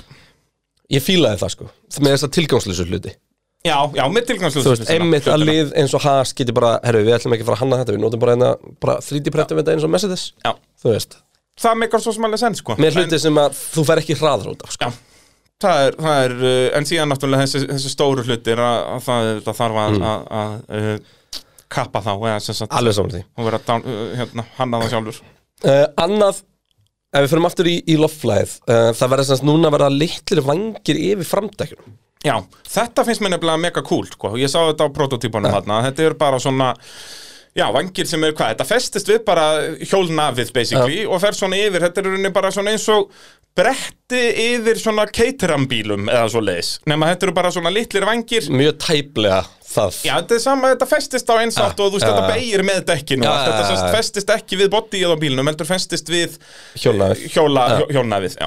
Algjörlega, og í raun og verið er þetta sérst hugsað til þess að stýra loftlæðin sem kemur af framdækjunum því að það var eitt svona helsta vesenið í þessu outwashi Já. Út af því Þannig að að- framvengurinn er orðin svo flókinn og þarf að gera svo mikið Hann verður reynda svo einfaldur á næsta ári Já, já, Kemur inn á það smá. auðvitað, já, já, en, en og þá, sérst, allt það loft sem fer á framvengin fer að sjálfsögðu líka á framdekkin og þá verður það ennþá meira törbulant að þá verður þessir vengir hannaðir til að eins og svo margt annað að þessum bíl að gera loftið stöðugra yfir bíl. Akkurat Og Ah. það er, það er bara, það er setning sem þeir muni heyri hverju einasta sem við erum að tala um Já. Þú veist Það er bara tilgangur með þessum reglum Og bara, þetta var mjög gótt uh, svona góð tengi hjá því að næst sem við ætlum að tala um eru einmitt uh, nýju framvangir því að framvanginir sérst, á síðustu árum er búið að vera að keppast og einfalda þá Já. þeir voru otnir algjör rugl sko en þeir byggu til alveg ógeðslega mikla öldu og óstöðu lofti í kringum bílinn og bara Mhm. út bæði, þú veist, ykkur með bílinn þá bara myndaðist bara undir hann risa og út gára fyrir dekkin, já, þetta var alveg, þetta var sko. algjömartröð þannig að uh, þeir verða mun uh, sérst, uh, einfaldari um, þetta er bara já, hugsa sem áframandi einföldun en það sem að uh, þeir gerur núna er að þeir halda óstöðu loftinu innan bílsins og senda hann bara inn í ventjúri, það inn í ventjúri göngin en það sem mér fannst áhugaverðast og ég var ekki búin að spotta þetta því skoðaði prototípuna ok, plötunar semst endpleitin Nei, ekki, end, nei, endplötunar hliðanar, ég er bara að tala um Já, plötunar plöturnar í ofan á, vangnum, já, sem sagt, bara já, ok. Mhm. allar, allar plötunar í vangnum eru fastar í nefið. já, þetta er ekki semst bara svona tvær litlar plötur úr nefinu og svo kemur heill vangur, Yep. heldur er þetta allt fest í nefið Já, því að Þannig að- Mhm. þessi göt þarna á milli voru þar sem fokkuð upp öllu loftflæðinu í kringum ég bílinn. skilði þig þannig að þetta verður svona, í rauninni þar sem vang, vangirnir eru sjálfur, að það mun lá alveg frá nefinu og út að endpleit Já, ég skil, já, ég vissi að þetta heldur ekki það er náttúrulega málið sko. þú ert að segja mér fréttir, Um, ég er um þetta að finna mynd af En það hjálpar hlustendum hérna ekki neitt bílnum bara sjálfur. um Ég mæli með að hlustendur verði bara búin að prenta út mynd af nýjum bíl og hafa hana fyrir fram að En sig með að hlusta þetta, hana það. þetta er nefnilega svona stærsta breytingin Svona þegar, já, útlýslega, sko. þegar maður horfði á hann sko. Já. Ef maður horfður beint framar á hana þá, þá sér maður þetta greinilega, sko. Já, fyrir utan alltaf að uh, formúlan ákveða að hendur um í eitthvað mega kamoflassleik við sko bílnum sinum, en það er unnið það en jú, maður sér greinilega hvernig þetta tengist í Nefið sjálf. nefið sjálft sko, Fer sem ekki er- svona niður og á, á en, sérst, bottom plateið á vangnum í rauninni, heldur fer Já, bara beint á er, nefið. li, mann líður bara eins og þessi laust í annan endan Já, sko, já. þegar maður horfir á nú, sest, síðustu Fangina ára for, núna, já, já. formúli eitt framvangi sko. Þannig að þetta er áhugavert og afturvanginni breytast náttúrulega líka og Já, þeir eru svona eh, vel öðruvísi, þeir, fin- finnst við maður. erum allt, þetta, er, þetta er alltaf að fara að líkast trón meira og meira sko. Já, þetta er allt svona runnað og hipp Já. og cool, sko. og sem sagt ehm, afturvangirnir svona um, á þessum bíl sem við séum rendir að við erum með þessar mjúkulínur Já, og, bara bílinn sem við sáum á Sölvestón já, og þetta held ég að sé að einhverju liti bara hönnum bara til að vera svolítið nútímalegt og fallegt Já, á en svo meðan við náttúrulega þjóna sáum við hlutverki hvernig liðin Ég er svo peppaður fyrir fyrstu prófunum Ég líka, ekkert eðla Hvernig þetta Þú, mun sa- líta ertu- út, sko. þú er búin að sjá myndina með þetta með ekki? Jó, þess að þetta er þetta ekki, þetta er bara teikning hjá þeim Nei, Er hann það- ekki anþá svartur og Jú, jú. já. og bara að Hann verður- geða eitt undirlýs og er búin að lýsa hann upp alveg massið og sér að línunar í Og bílnum veist sko. að Sil- Hann verður silfurlitaður á þessu ári En það er staðfest Já. Það er afturför um, Já, en ég vildi hafa svarta bara í eitt ár, sko En tvö ár sleppur Nei, mér finnst það bara svo ógeðslega flottur Ég veit það, en þú veist, það verður ekki flottur að eilífi, sko Mercedes á að vera silfurlitaður Það En bara er ekki svoleiðis. líka Petrunars lúkið að fara að minka ógeðslega mikið? Ég veit það ekki Þú veist, þetta svarta og græna var alveg mjög sexy kombo sko. Eins og allir skæri litur á móti svörtu Jep. Þannig að Við þurfum að fara yfir þetta bara með kvatanum okkar Þegar allir eru búin að lönsa Já, bílunum sínum. 100%, 100%. Og þá myndi ég líka velja að setja upp þá myndi ég velja að setja upp könnun þar sem að fólk rankar Já, þannig að þetta sé ekki þá- bara við villisingar Já, ég er til í það Það gerir þetta eins og gilda bíðundir Já, I like that um, En sem sagt um, Afturvængir þeir eru svona sem sagt þú veist, fyrri afturvængi, þeir voru hannaði sem sagt til að uh, hérna þrýsta loftinu upp og til hliðana svolítið og það gerði bara verkum að bílið fyrir aftan var einhvern engungi óstöðu lofti þegar að þeir voru, þú veist, þetta var bara diffuserinn bara þetta reyfði þessu bara einhvert Jep. og afturvængurinn skaut síðan loftinu bara sikkurum megin og maður átti þessi ekki á hversu mikil fílósið fyrir að eh, var búin að fara í að bara fokka upp fyrir hinn Já Það Og er hérna- hérna... akkurat þannig, þú veist, og maður sá hvernig endpleitin voru í afturvængunum með endalaust á svona litlum götum og drastli Já. og það var, eins og ég segi, mest megnið af því var bara gert til að fokka í bílum fyrir aftan Akkurát, en sem sagt, það sem afturvangurinn mun gera núna er það einmitt að hann bara negli loftinu upp í loftið inn í raun og veru bara reiki frá hérna diffúsernum Diffuserunum, akkúrat. og þetta saman er bara bara Þetta eins og di- sér bara með snorkel að senda þetta upp í loftið Já, sko. og þetta er einmitt, mun senda þetta bara, þú veist, strax þú ert komin 5 metrum fyrir aftan bílinn er þetta komið hærra heldur en bílinn sem er þar, þú veist, þá er þetta strax komið yfir í næsta bíl Já, og ég seti mitt svona spurningamerki síðan við DRS -ið, því að miða við hvað afturvangurinn er að fara að gera lítið með við síðustu ár mun það gera eitthvað, þú veist Þó það, þeir tala um það að það geti verið að muni henda þetta um gluggan eftir fyrsta tímabil sko. Já, ég Þeir munu heyrði bara sjá ágætis það. pælingu sem var sko að í staðin fyrir að hafa þetta þegar þú ert uppi bílun að hafa þetta þegar þú ert sko tveimur og hálfri sekundu eftir núna. Já, til að komast að Já. honum Já, það Og er alveg hérna- góða punktur að hafa þetta skilur bara frá sekundu til tvær sekundur verðan Það Akkurat. getur nota því að þessi Já. En síðan þú er komin sekundu þá skal það bara gjöra svo að taka fram úr eins og maður Það er náttúrulega málið. Það geti verið eitthvað sem þeir skoða sko. En þá erum við svolítið búin að kofra þetta loftflæði svona pakkan Já. og við erum svona að reyna að fara, reyna að snerta á þessu nægilega vel til að þið hafið svona skilningin á þessu og við og, og án svona þess að ætla að fara vera of miklu eitthvað já. nördar sko.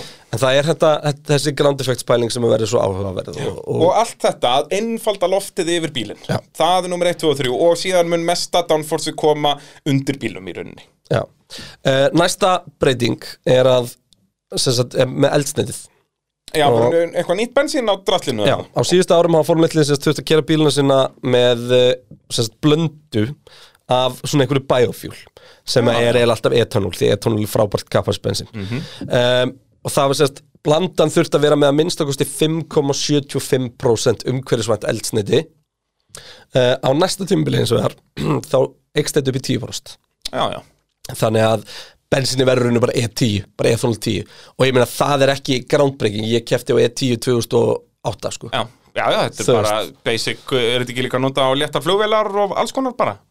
Ég ætla það ekki Já, þú veist, þetta er allavega, eins og þú segir, ekki það, sem er, groundbreaking það dæmi. sem er groundbreaking er það að ethanolið í bensinnu uh, þarf hins vegar að vera sérst, eitthvað sem er kallað second generation bara önnur kynslu af því og þá er kólinnisporið bara null Sest, þetta er allt ethanol sem búið er að nota einu sinni og er verið að fara að nota aftur, eða hvernig... eh, Nei, ég held sem að sagt- þetta sé nú eitthvað með framhæsluferli og s- Já, hvernig þetta er eitthvað synthetist svona- þetta er búið til já, sko. En þetta er sest, allt alveg 100% synthetic Já. Það er ekki verið að nota neina jarðolíu í þetta Nei. Þetta er allt búið til á uh, einhverjum labs Það er engin bor að bora eftir þessu Já, Þetta er allt búið til af sköllutu fólki í kápum Já, Bara bing, bara bing pretty much um, Öryggismál, það er síðan uh, það næsta sem ég ætla að koma inn á Ok, Sko- sko, er verið að breyta eitthvað í örgismálum? Já, og við náttúrulega höldum alltaf áfram með þróun öryggismálum. Það sem er áhugavert er að, sorglegt og áhugavert á saman tíma, er að á síðustu árum þá höfum við séð svaklega slíðis og því miður náttúrulega þá le- lést Anton Hubert í Formule 2 á, á Spa.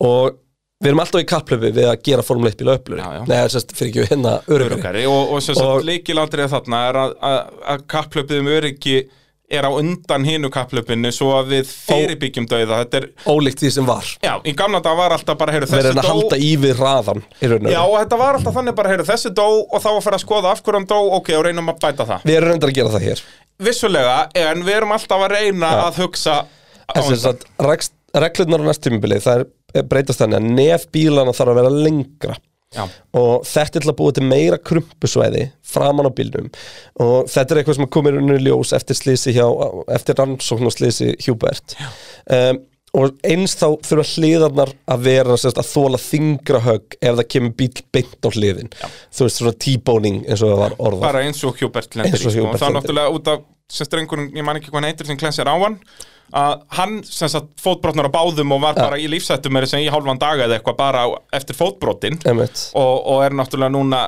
bara Hann er með byrjaður að nýja- keyra aftur. hann er byrjar að kera aftur, er hann með sínar lappir eða var, er hann með einhverjar bara ég úr bara, össur veistu, eða? ég bara veit það ekki ég manna ekki hvernig það var gott ef hann er ekki með sínar lappir Jú, ég held það. miljón aðgerðir og eitthvað A- a- Þeir eru hann- bara helviti hann- góðnefli í þessu, hann- sko. hann fer mjög illa náttúrulega og, og Hjúbert náttúrulega fyrir verð deyri í þessu slissi og þannig er um mitt verið að gera bæði hlutina í nákvæmlega þessum árakstri mjúkari Já. það er verið að gera nefin lengri þannig að það er meira krumpusvæði þar og, Og og sterkara. hliðina breiðari þannig að meira krumpusvæði þar Ja, Ah, og sterkari bara og sterkari En það sem er áhugavert er raunur að, að þrátt fyrir að við séum vandalum lengra en ef og yfislega, þá er bílina styttast aðeins og það er verið Nú, að tala ok. um þess að Það, það gekk eitthvað myndu myndinni um daginn að sína eitthvað samanburð á Mercedes 21 og 22 og þetta er bara rámt Já, Sú það var mynd. einhver þvæla Það var bara eitthvað- einhver- það var hann væri bara svona hálfur frá metri aftur til minni eða eitthvað. 2008, já. Já, það er ekki Það er verið að tala um, sérst, Mercedesin er lengstu bílinn Mhm. í formúlunni og þarf að styttast mest og hann þarf að styttast um 12,5 cm Já, sem er ekki neitt Nei, já, jú, en þú veist Já, en ekki,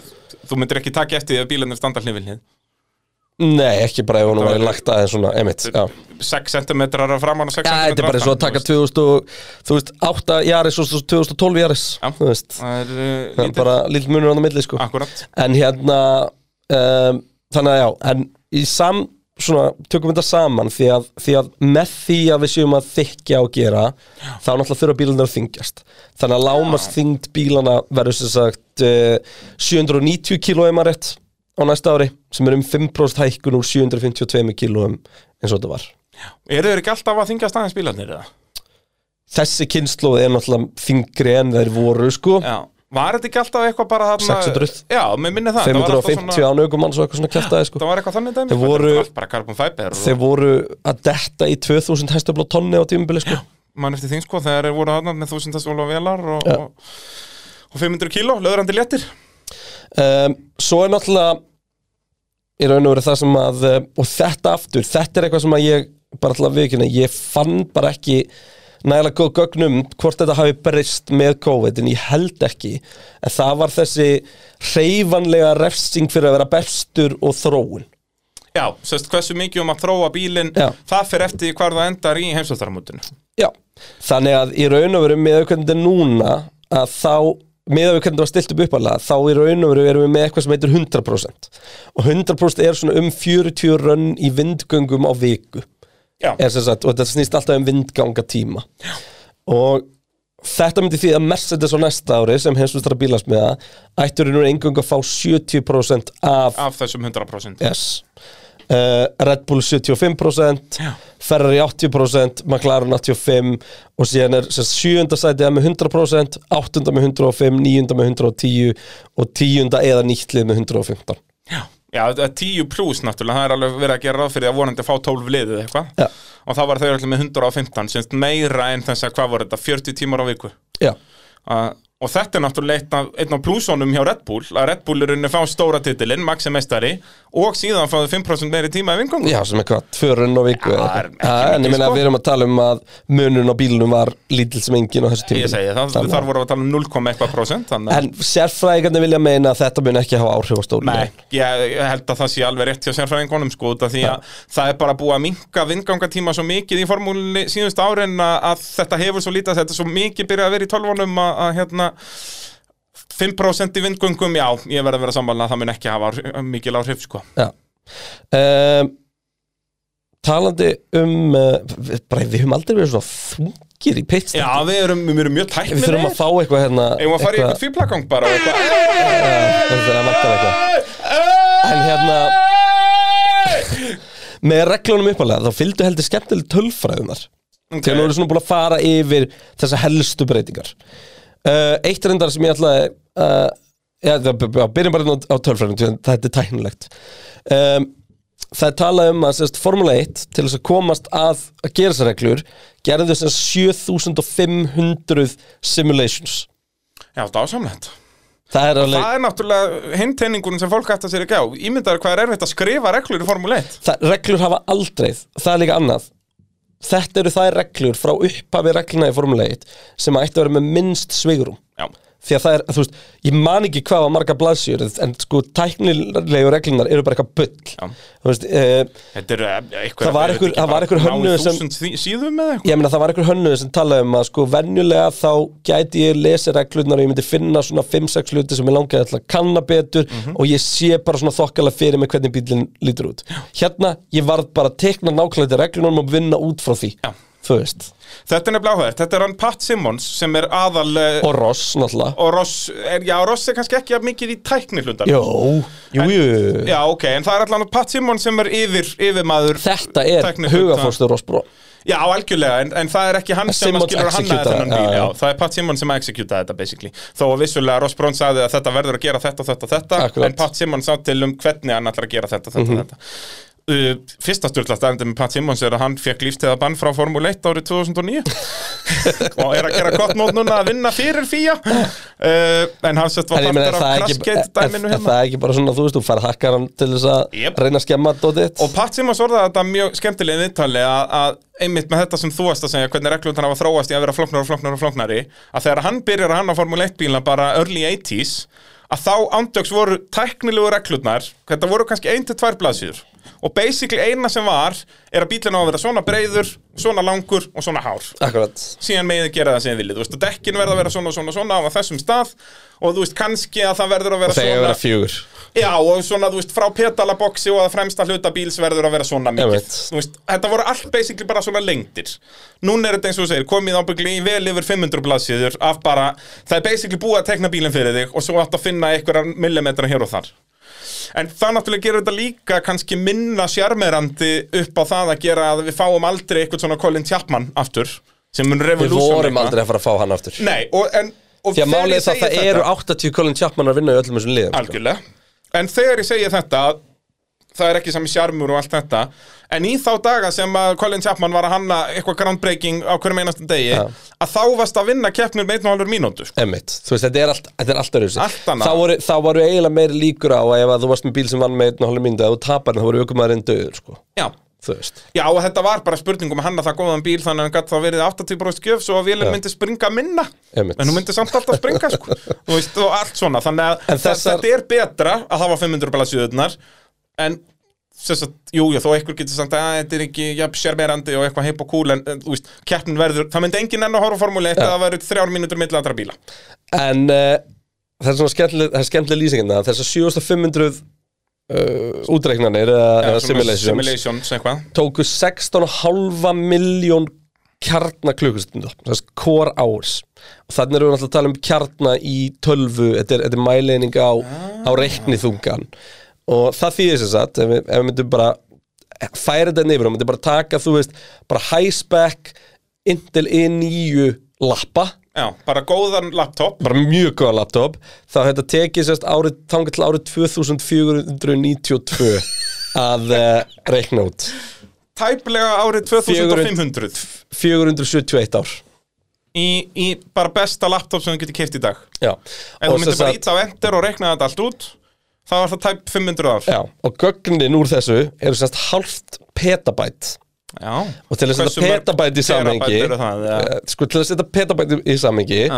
þá er sérst að þessi gögn eru um einn þriðji af þeim 10 miljard ljósmyndum sem Facebook er að hýsa í dag Er þetta eitt þriðji af öllum ljósmyndum sem, sem Facebook, eru með? Instagram dæmið er með Top nice í, í, á þyngd. sínum serverum Já. eða semst, já Hvað er petabæt?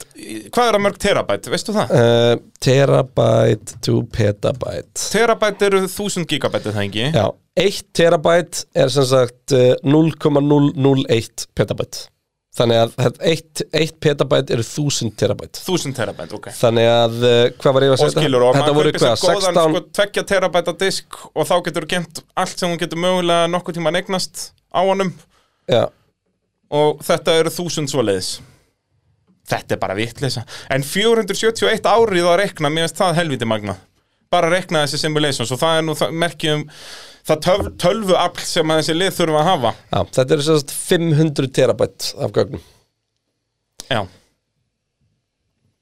Galið, sko. það er hugulegt sko já, sem að, já, og þetta er bara eins og ég segja, áskorun fyrir þessa gæja að, að þurfa að hanna reglurnar og svo eru þeir að fara að koma að staðið núna frá pre-season testing að fyrstu keppni hversu mikið að loopholes voru í reglunum 500.000 gigabæt 500.000 gigabæt, bara bing bara bum ég get ekki eins og ímynda með þetta sko. Nei, já, ég fara þá með hennir í eh, eða fara með þetta í kilobæt 500.000 gigabæt ég er, ég er góður á því, sko Þyrftum einhverja sterka netþjónustu, held ég já, það er, ég held að sé óvægt að segja það Ha, ég það, held það. er, það er nákvæmlega þannig um, Já, þá erum við svona eiginlega búin að cover þetta Það er hérna, það er ein regla sem ég finnst mjög áhugaverð sem ég kom inn á um daginn sem er al alveg ótengd tæknilegu reglum og það er hérna með að allir aukumenn þurfa að sitja út allavega einu sinni fyrir ungan aukumann í æfingum á næsta ári Alveg rétt Já, þetta er náttúrulega ekki tæknilega regla Þetta snýst ekkert að bílnum Nei.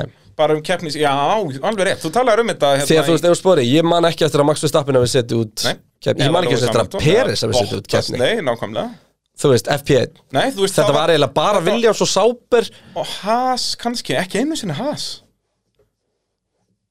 Þetta var, og, og kannski alpín einu sinni Þetta var eitthvað svona, þetta Fjart var fáránlegt. Piastri eftir mann að gera Nei, örugglega ekki, sko það, það, Eins og ég segi, þetta er náttúrulega eitthvað sem bara þarf Já. að, Þú veist, þetta er bara FP1, þetta er bara fyrsta æfingin á, á föstuð og Já, smotni Og það var alltaf annar, eða sérst, einu svona ári Verður að gefa verður sætið. f- allir aukumenn að gefa sætt sitt einu Já. sinni Þannig að og þetta eru 23 keppnir Þannig að þetta eru 20 20 skipti sem það verður einhver nýr Já, allavega Já, En þú veist, það er alltaf gæti verið svo sami já þú veist, 100% Þetta gæti bara verið tíu aukumenn, sko Já, já, verður Og jafnvel ég hugsa að færri. verði, Já, sennilega færri, sko En það verður allavega Ég hugsa að Mercedes gefi sama ökumanninum Skiluru Lewis Hamilton tíman og George Jep. Russell tíman Skiluru Jep. Það meikar langmestan sens Þannig að þetta er, þetta er, þetta er áhugast Já, og bara líki lættir, þú veist, út að, eins og segja, við höfum alveg mist þetta á síðust árum, þetta var alltaf þannig, FP1 var alltaf smekkfullt af ykkur nýliðum.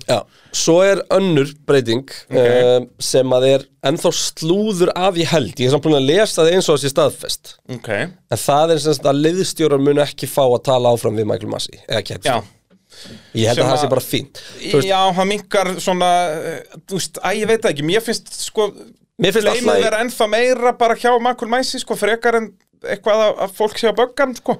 Já, en þú veist, það meikar ekkert sens að hann sé hérna að taka ákvörðun og sé með tvo gaur á lobby að Nei, segja þess einhverjum vegna er með ég að segja, það, það á ekki verið einn maður þarna, það á ekki verið einn almáttugur, þeir svo, eiga að svo er vera sko. það annað, þrýr. Svo er það annað, en það breytir því ekki að mér, þú veist, eins og ég skilda þá er kontakt liðana við keppnistjórn ekki farin Já. Það er bara liðstjórarnir Þurfa ekki, Það er já, já. basically bara að segja Kristján Horner og Tóta Wolf með ekki á samband Það er basically Já, verið já, að segja já, það já. Því að það hefur engin annar átt samband Já. nema þá, þú veist, Jonathan Wheatley og, og, þess, og Ron Meadows og þessi gaurar sem eru sporting direktorar hjá liðunum Hjá og þessum eru í, Mercedes og Red Bull. já, eru í daglegum samskiptum við þá sko. Já, já, en, og mér finnst þetta alveg meikasens að, þú veist, eins og bara þeir vilja ekki að, að þeir séu í beinu sambandi við dómaranda, að þá bara sleppa líka að vera í beinu sambandi við keppni stjóra, en að þeir geti komið inn skilabóðum, en þá svona verða þau alltaf, En þá eru Michael Masi að fara að rífrasa e-mailið sitt á meðan keppnir ég heldur betur, Tóta hann verður grimmur að skrifa, það er rónd að segja það. Did you look at my email? Did you look at my email? Þetta er svo mikið, þetta er svo dásamlegt, sko. En hérna, já, mér finnst þetta svo sem alveg meikasens, sko. Já Uh, en þetta er ekki staðfestið en hvað? Ég, sk- nei, en ég hugsa þetta sé alveg pott að fara, fara í gegn Já, sko. Svo er verið að tala um að sprettkeppnar verði ekki eins og þessu tímubili Það er samt bara eitthvað mjög gróft slúður sko Það er Já. að tala um hérna En- en- Sprettkeppni en verði þá svo að kallið vera bara hítreis Þrjár eða eitthvað svo leiðis Ég hef bara ekkert séð um Nei, ekki ég nefnilega heldur það kom ekki inn á ekki á kalendarinn dag kalendirin, Nei. það kom ekki eitthvað svona stjarnar með að það verið sprettkeppni hér sko. Nei. þannig að Þannig að- ég held að það séu ennþá bara að setja þetta svolítið upp Já. sko. en ég eins og segi, e- það með alls ekki vera fleiri en 5 sprettkeppnir, sko. það eru 23 keppnir ég vil líka held að getum þrjár ekki bara séu verið að fínar. láta Hamilton og, og Verstappen klasa okkur annan bara Jó, þetta á fimm samlegt. keppnir á ári sko. Jó, ég- bara hafa það sem allra oftast og, og maklar að vinni já, það er bara nákvæmlega svo leiðis ætlum við að taka eitthvað meira í þess að þetta erum við bara sko við þetta er farið að verða ágætt uh, þú veist, við eigum náttúrulega eftir að taka uppbytun sko þegar nær dregur og náttúrulega okkar spá við ætlum að geima það þangar til núna þú veist, náttúrulega spáun okkar fyrir æfing, fyrir prófanir verður náttúrulega bara eitthvað við að kasta teiningum Já. út af því að, eins og ég segi, það er í, í þessum leiðum og við getum kannski bara endað hennar þátt svolítið á, á þessari pælingu með, eins og við byrjaði þáttin á að það er í reglubreitingum sem við komum stað í hvaða lið eru best hvaða lið eru með bestu hönnuðina að, að túlka nýjar reglur út af því að það er alltaf auðveldar og vissulega þarftu líka alveg að vera góður í að þróa hlut Ég meina, En að- liðin vita líka ekkert hvar hinliðin standa sko. Nei, nei, það er Þú svo veist, það er dásamlegt. Þú ólíkt ert því ekki- að þú getur farið út úr síðast tímbilið og það er búið að áætla að næsta árs bíla séu einu prósenti hraðari eða eitthvað bla bla bla og ef þú veist þú ert ekki að ná þessu prósenti þá ertu kannski í vandræðum og þarf að fara að leita og jari, jari, jari og ég meina einu skiptin sem hefur hirt eitthvað var eins og já, Ross Brón sæði mér bara sjálfur þegar hann var með fyrstu simulationin og þegar maður trúði ekki tölunum já. hann actually ringdi ég veit ekki hvort þau komið fram Nei, býttu segðum þessu ég kannski, ég kannski skúpa bara. einhverju ég kannski skúpa einhverju sem ég má ekki segja Já, sko. já, Ross Brown er ekkert að hlusta Nei, en hérna ég man ekki hvernig það var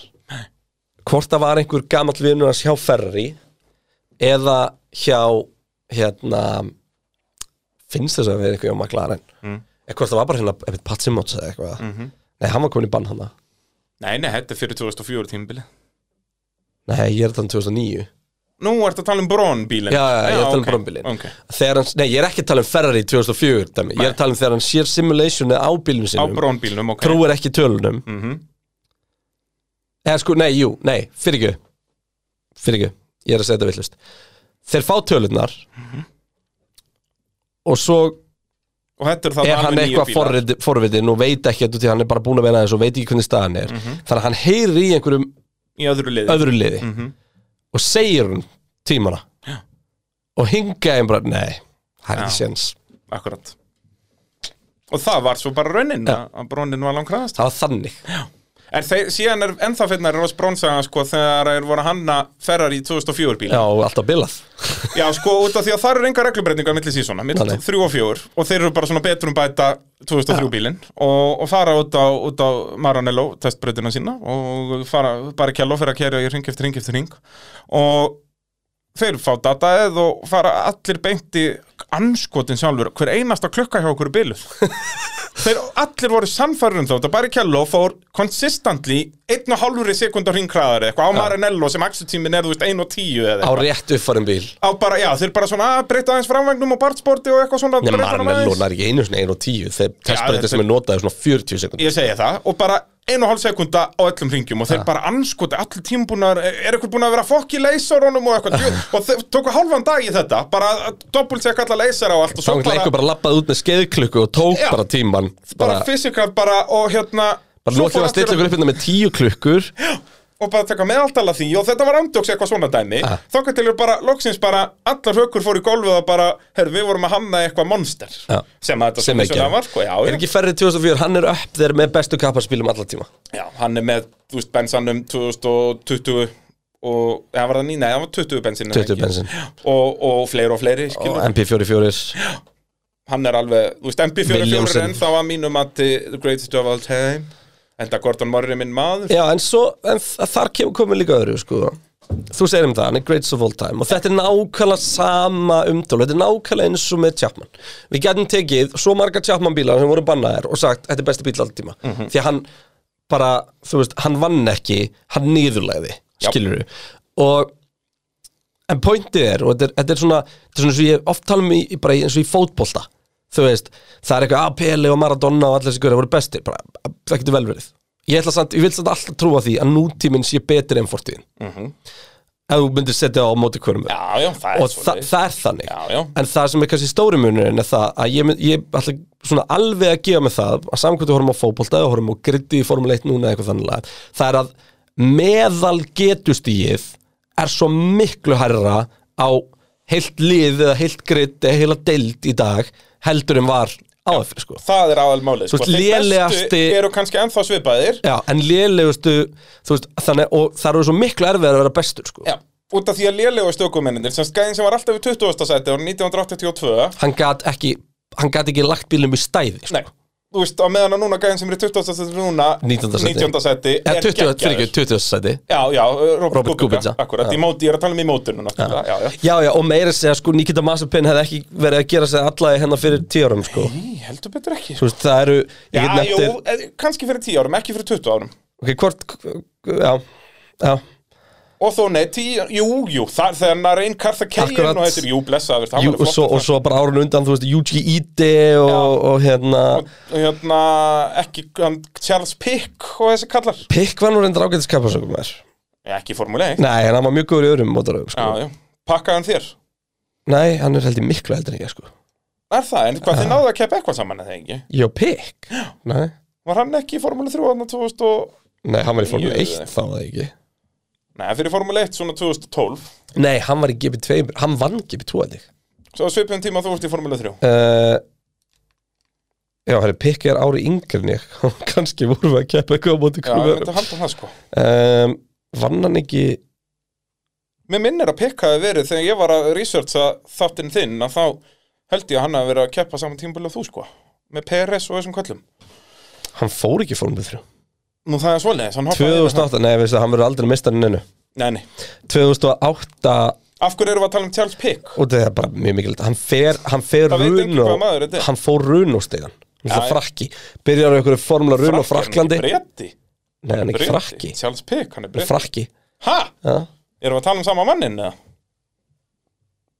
já Já, já, kerði fyrir Marussia og, og svona já en hérna, Ég, hann hann var í fór Breyti. sem sagt úr formulu Runo í formulu hérna, World Series 3.5 sem var basically bara eins og GP2 sem að Fettel var í til dæmis, Já. hann fór ekki í hitt og hérna, Fettel er myndi að kera fyrir Karlin í því Já. þegar ég kem til Alveg þeirra. rétt og hérna en, já, Vel krútlegir einmitt, hann er best þriðarsætti þar já, þessi gæði átti aldrei heim í formuleitt með þessar sko. niðurstöð Heyrðu, ég sá að það voru uh, nokkur löfléttir að hlusta á okkar spjall í mótorvarpinu eftir síðasta þátt. Jaha, Já, já, sk- kom, uh, hlustun fór að lut þar, sko. Nó. Þannig að við hvetjum alla til að, að skella sér í mótorvarpið að hlusta á... ég fyrri ætlaði ekki að hlustansöguna. publisa þið hér Jú, býtu, jú, ég ætlaði að gera Þú það. ætlaði að gera það bara núna í gæri eða um áramatinn eða Það eitthvað gekk svakalega vel. Það gekk vel Það myndum á það einhvern tíman. Já, Það við þurfum að hjóli það. yes sir Uh, annars erum við löðrandi léttir, er það ekki? Jú, og þú veist, þetta var þungur þáttur það, Já. núna, við, við ætluðum að vera meiri bjánar á milli, Það er fínt- milli það er fínt tímbila að vera þungur í byrjun árs. Við erum ennþá Þetta var samt hálfþunnir ekki og- þungt, sko Já, svona. Á okkar standart, Já, kannski og síðan hérna, já næsti þáttu, nú verðum við með þátt einu sinni í viku Við glemdum að gera símat Glemdum að gera síma þetta reyndar, en það verður bara að býða til næsta þáttar Já. Uh, Í næsta þætti, er það kýmir ækonasögu hát þá, eða ég er að pæli að ég ætla að taka yfir það Það var pæling að þú ætlar að gera það, en þú skrifaði svo mikið núna að þú er búin með lik Búm, liklaborðið Já, er, er, er, hvað Þetta er alveg- orðið fast á putóniðinum allt Já, allt hérna sem að hérna, einfalda er bara, það er bara farið af Já, takkarnir. er það ekki Jú, Það er e og e og allt þetta, það sést ekki takana lengur get ekki skrifa kreina lengur út af þessu Já, þannig að við uh, ætlum að skella því inn á pitturum.is Verður söguhátum kýmir ækonin Kimi fucking Räikkönen Það verður nú ekki amalegu pakki maður. Já, ég er sjúklega til að Hann veit alveg hvað hann er að gera sko. Já, Þannig að uh, þið getur beðið spennt eftir því uh, inn á piturum.is Þetta var allt saman búið verkvæðarsölunar Víaplay og Onlys já Bara bing bara búm bara bing bara búm minnum á, uh, já hoppin á pitturinn.is uh, hoppin á vinahópa.olis.is og Ó. skella sér í vinahóp pitsin skrifa pitturinn þar og uh, já, svo er náttúrulega alltaf uh, alltaf rétt tíma til að kíkja í verkvæðarsöluna það sé Já. ekki í janúr útsalðar Það er 100 p Það er alltaf útsalaðna, maður getur farið bara inn á verkvæðarsölu vefinn og myndur reyndar ekki segja að það veri alltaf útsalðar en það, er alltaf, alltaf, tilboð, góð tilbúð Já, sko. maður finnur alltaf tilbúið bara ef maður fer hann á síðuna hjá það er þeim bara málið sko Það er alltaf eitthvað lúmst bara, heyrðu, þetta sett er á þessu verði og bara, þetta er dásamlegt sko. og hvað, svo síðasta veið, heyrðu, afkonir að byrja maður Afrikukefnin á Víabli Já, er það, hérna, er það á Víaplay, Já, sem sagt já. í fótboltanum já, já, Það sem mann Sala og Manni og allir þessi kallar verða já Bara bing bara Það búm sem að sérst, allir Liverpool menn er að fara að horfa á núna í, í januar Já. upp á að fylgjast með hvort sínum menn meifist Já, basically, er að horfa á knættspilni til að okkur til meiðist Það er fínt svona án að mestallin byrja Það aftur verður einhver og að vera í eh, því. svo er bara astnalega stutt í formúlu Við nefnilega við Já. áttum okkur á þessum daginn þegar þú sagði við mig við vorum ekki að tala um hérna við vorum að byrja að teikna upp Prógrammið Prógrammið. sko. Að vera Og núna svo- í hverri viku og Já, eitthvað og svo segði allir bara, en Kristján, þetta er ekki nema einhverja átta vikur og þá erum við bara komin í bullandi sko." sísón Já, bara eftir átta þætti þá er búið að unvíla alla bíla nánast það eru pre-season testingar að byrja og, er byrjað með þess að það byrjar þarna bara í lok februar Nú, já, já. störtlað sko það er bara það er, geggjað ég held að það sé bara sjö vikur í pre-season testing sko Já. Það þannig er að gægt það er gjögt Betur en allt